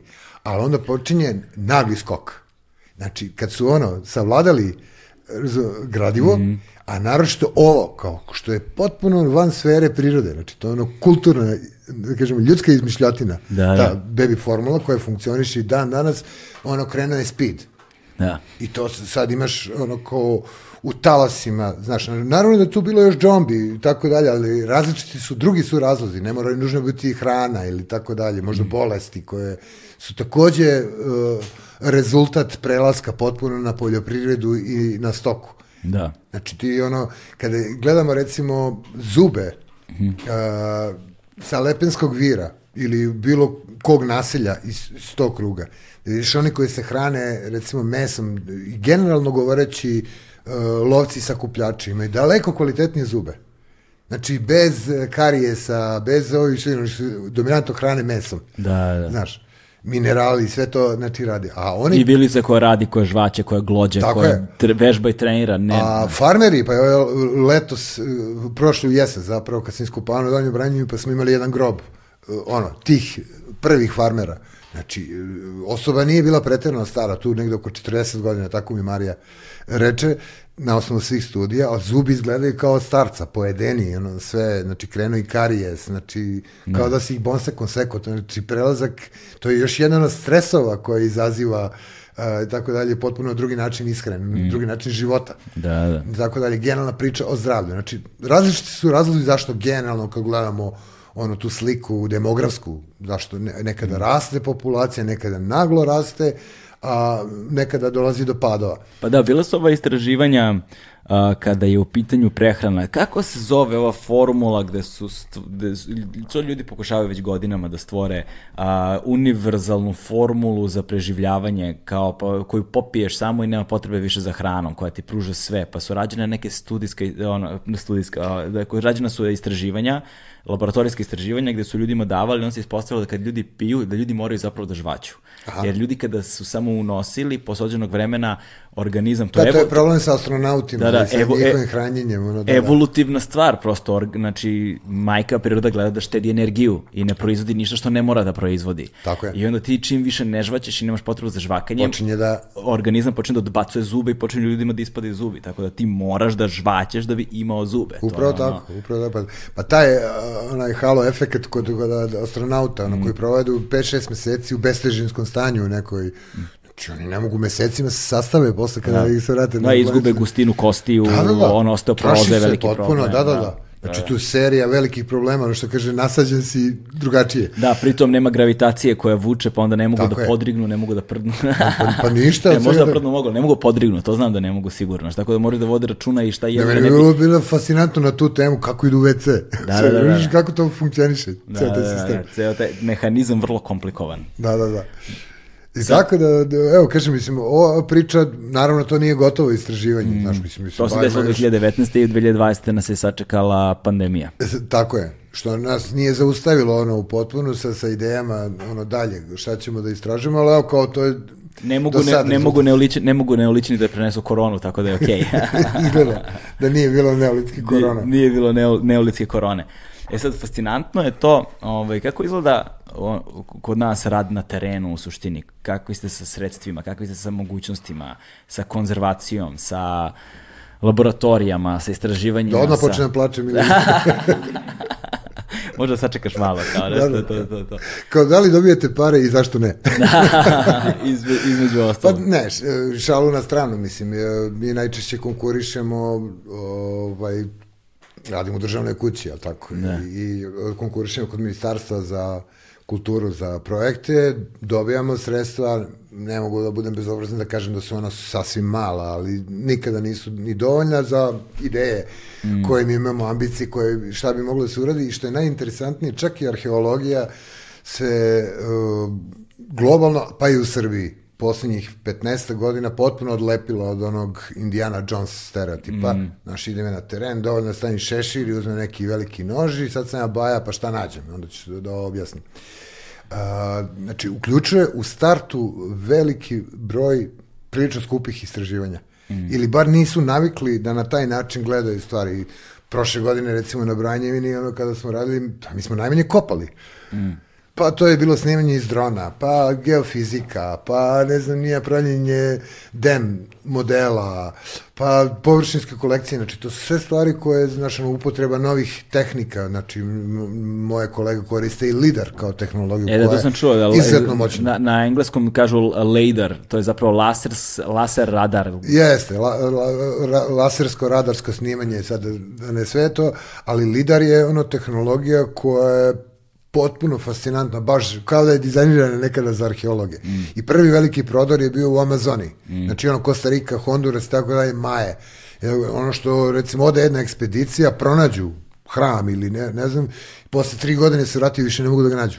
džabe GPS, znači ne funkcioni, ne može ga nađe na, na 10 metara ga ne vidi, od džungli i sve. Da, džungla vrlo, rastinje vrlo brzo pojede sve to. Potpuno pojede, znači za- zakloni ono sve i onda su snimali o, liderom isto to i bilo je u Nationalu, znači fascinantno, ispostavilo se da postoji ceo kompleks, jedan megalopolis kao poput Los Angelesa, na, na 150 km, gde ono imaš ono razne ono hamlete i tako dalje povezane sa urbanim centrom, pa se nastavlja na drugi, pa na treći, to je ogromni kompleks, znači potpuno se menja paradigma znanja da ovako nije zagrebana površina, nigde, nije iskopano ništa. Znači, to je moćna tehnologija, ali recimo kolega Adam Crnobrnja, koji radi sa mnom u muzeju, je iskoristio snimanja liderom, nije on mogu to ni da plati, ni da naruči, još to preskupo kod nas, to su baš sa onim avionskim naletima rade, jer oni rade veliku površinu, prilično brzo, ali ono, dizanje aviona, sve to skupo uglavnom, nego ono, koristiš ako imaš dobre veze i ako imaš mozga, kada vodoprivreda, kada gasovodi i tako dalje, za svoje potrebe radi ta snimanja, pa dođeš do snimaka, mada oni vrlo nerado bilo kome. Ustupaju. Pa da, prvo zato što je to treba platiti, jel tako? Ali on je uspeo nekako da ih ubedi recimo jedan projekat veliki na Kosmaju radi, ono je taj antički, on se an- antikom bavi u, u, u rudarski kompleks sa sve onim jamama, iskopima, sa građevinama koje ima i ono, svoje sedište i luksuzne zgrade i kupatila i čuda i svega. Znači, dobio je briljantne snimke ovaj, tog tipa, recimo, lidera. I sad, kako da kažem, mislim, znači, kad ti danas ideš na teren, recimo, za ovu godinu imam dva projekta koja radim, jedan je kod Kraljeva, jedan je sad ta Branjevina, znači, meni, ono, u startu budžet ode više od pola na, Da, da. na ove sokoćala razna I, i, ovaj, i to je jedini ispravni put jer kako da kažem mislim ta generacija o kojoj sam pričao na početku gde su bivali veliki naši istraživači i velika otkrića te Lepenski vir, te Starčevo, te Vinča i sad čitav niz drugih važnih otkrića to vreme je prošlo Znači, baš se teško može očekivati da će da, da otkrijemo nešto što će na tumbe da okrene sve. Da, desilo se skoro, su otkrili neku novu grobnicu u Egiptu, to je bilo, i desilo se da su otkrili uh, grobnicu Jaguara Boga u... u, u Tako je. Da. U, ovom- Pa može se desi da, da i nađu, i, ne znam, grobnicu Nefertiti, na primjer, da, da. i tako da. da, mislim, ali kažem, ovo su recimo neka dva poslednja koja Da, su se da, da, desila da. u poslednjih, recimo, koliko, desetak, 15 godina, da, se- 20 možda godina da se desilo kao Mhm. wow. I to su, to, to je su pronašli ovog Jaguar Boga, kako se zovu te rupe velike u Meksiku i to, zovu one sinote, ne, Da, na Jukatanu, misliš? Samo, Jukatano, da, kako zovu si, e, ne mogu se setiti kako se zovu, da, da su, da su zapravo i ponornice, ali dobro, nema veze, da. Da. Sinote, O- sinota, Ovo mislim da kad mi sam to- rekao, mislio sam pre svega na, na Srbiju i na Balkan. Jasno, dakle, tu jasno, ne možemo očekivati u arheologiji neki prodor koji će sad na tumbe da okrene neko pitanje, ovako globalno važno i tako dalje. Ali interpretacije ovog postojećeg... Interpretacija je mnogo bitnija. Znači, pazi, mi smo radili sa stvarima koje su otkrivene već pre 40-50 godina. Znači, Da. ove kaščice stoje s 80 godina u zbirci. Da, da, da. Razumeš, znači, tu može da se pravi, tu i pravimo ozbiljne prodore i ono što je kao poruka prilično važno svima koji se ono bave naukom, znaš što kaže ono kao ko pobeđuje ti mu se pridruži. Znači, mi nikad nećemo imati novca da budemo ono A1 liga nauke svetske. Ali ono, inteligentno razmišljajući, prateći i praviti komunikaciju sa onima koji jesu A1 i tražiti prostor, evo kao što smo ga mi ovde pronašli. Oni jesu nas pitali, ali naša je bila stvar hoćemo ili nećemo i šta ćemo da im ponudimo. Ispostavilo se da u čitavom ovom radu, jako je bilo 225 individua, ja sam ti rekao iz celog ovog dela Evrope, znači od Urala do Grčke, naši uzorci su ispali potpuni hit. Jer je interpretacija i rezultat ono što smo mi duboko verovali i pre ove studije. Znači, mi jesmo u suštini otkrili rupu na saksiji. Da. Ali, jedna je stvar kada ti kažeš, ja mislim da je to ovako... pa Ali je sad- neolitska rupa na saksiji. Neolitsko- Rupa na saksiji. neolitskoj saksiji smo Da, da, da, da, rupu. da, da. ovaj, jedna je stvar je misliti nešto što uvek mogu da kažu jeste ili nije. Znaš, da, ono, da li je ovde nastao neolit, nije nastao neolit, a druga stvar kad to si u stanju to pokažeš empirijski. E, mi smo ovde bili u prilici da učestvujemo da se empirijski pokaže da se fina rezolucija te slike dobije, znači i kada i gde i šta se tačno događalo, to smo uspeli ono tri ono muhe jednim udarcem Da. da, da ubijemo, što je prilično važno i to je dobar put, dobra kombinacija. Znači, to je način da, da mi uđemo, ono, uh, kako da kažem, ono, rame uz rame u trendovima, ono, stvarno moderne nauke.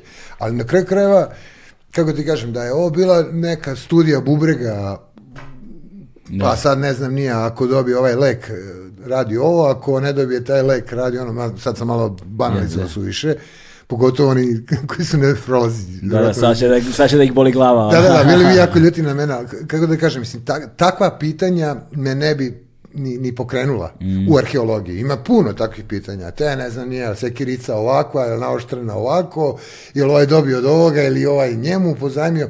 Milijarde takvih pitanja ima. Ovo su pitanja koja stvarno bude radoznalost, koja, ono, u pravom smislu te reči su izazov.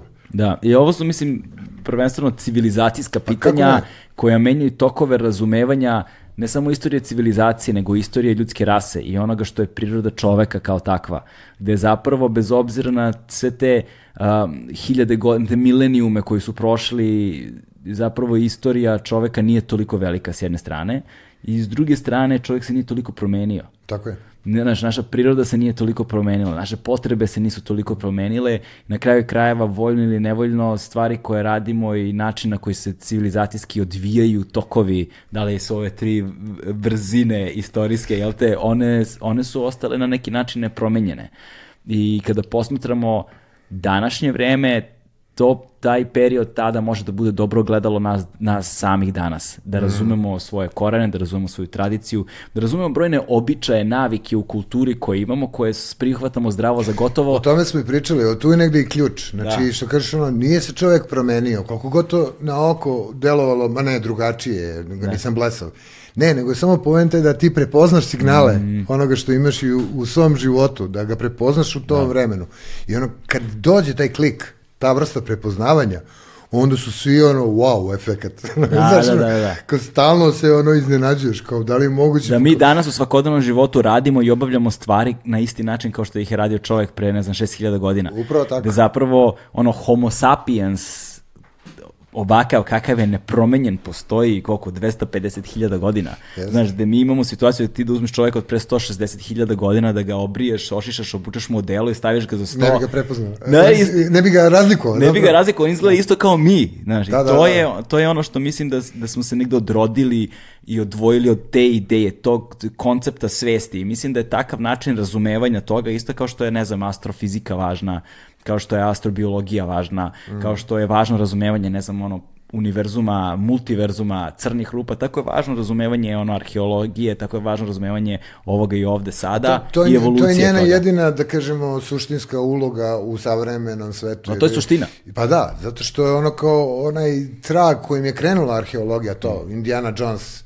uh, kolekcionarstvo, pa ta vrsta atraktivnosti, ona i dalje pije vodu, ali sve manje i manje. Ovo Mm. vreme potpuno uzburkano što se tiče ono kao odnosa prema stvarnosti i na kraju će se odlepiti potpuno virtualni svet će biti kao efekat halucinogeni droga. Da, da. Znači ljudi u svakodnevnici svoje više neće znati da li nešto znaju ili su to čuli na mediju. Neko. Da, da, da, da, da, Znaš, da, da. znači, potpuno neće praviti razliku. Znaš, To, to, a neke priče su sa nama toliko dugo da ne znamo da li smo ih mi izmislili, da li smo ih negde čuli. Upravo znaš, tako, Ili su da. oduvek bile tu, kao, znaš, tako da. Ali ovo, ako se sećaš, eh, kad smo se pripremali, pa sam ti spomenuo kao podatak, dakle, sve ovo o čemu sada pričamo, uh, sledeće godine je Novi Sad evropska prestolica kulture. Trebalo je da bude ove godine kalendarski, ali zbog korone se sve pomirilo za godinu dana.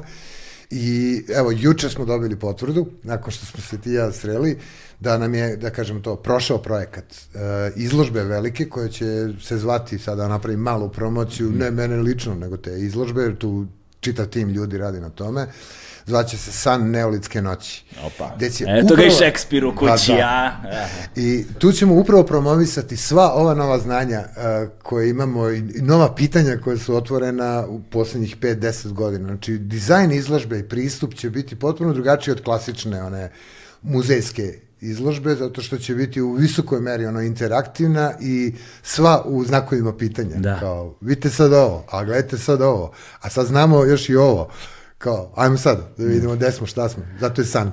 Zato je san, a nismo ni dotakli vinčansku kulturu. Znaš, Da. nismo ni stigli još do vinčanaca, pa onda tek ljudi treba da, razmi, da treba da, zamisle, da se zamisle nad time koliko je ta kultura bila velika i važna. Kako, oni su... Ne. To, to je tek priča za, za sebe. Tako je. I tako da nećemo nju otvarati sada možda, možda nekom drugom prilikom. Ono što je bilo najvažnije da pomenemo ovde, pomenuli smo negde i mislim da smo ljudima dali dovoljan um, podstrek i možda nekakvu inicijalnu ono klicu da, da se dalje ono razvijaju svoje misli u tom smeru i da probaju da istražuju.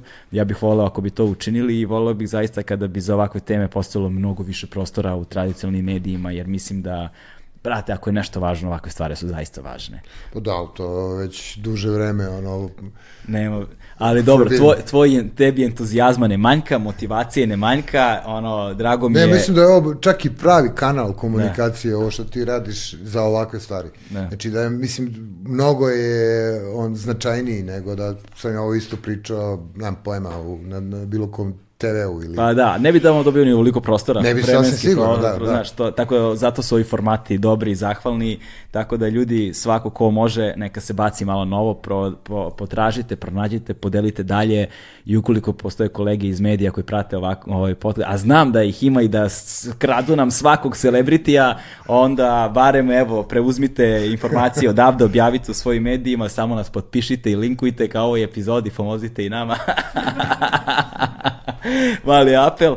Ovaj, šalim se, šalu, šalu na stranu, naravno. Hvala ti puno ovaj, što si došao ovde eh, prvi put, ali svakako ne i poslednji. Razgovarat ćemo o brojnim drugim temama. Ovaj, I to je to, ne znam šta bih više rekao, zaista. Hvala, tebi, o, stvari ovako ovde srce. Da, da, da. Hvala tebi, stvarno mi je bilo baš izuzetno zadovoljstvo. Evo, ovom prilikom moram, s, početka smo krenuli Ne. od... e, Vučedola. Jeste, od Vučedola da pozdravim i Mirelu Hutinec i celu ekipu iz Vučedolskog muzeja. Napravio sam im neplanski, ali EPP. Dobar, a mislim da je sa punim razlogom. Ono, Apsolutno, Sve pozivam, ono, vredi vidjeti. Sa punim pravom, dakle, kogod može neka poseti Vučedol i možemo vam prilikom da apelujemo da urade nešto već sa onom pisanom stenom na obroncima Tare, barem obeležite i ono, zaštitite prostor pre nego što shvatimo sa čim imamo posla.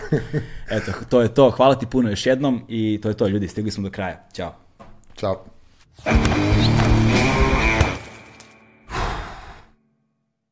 Hmm.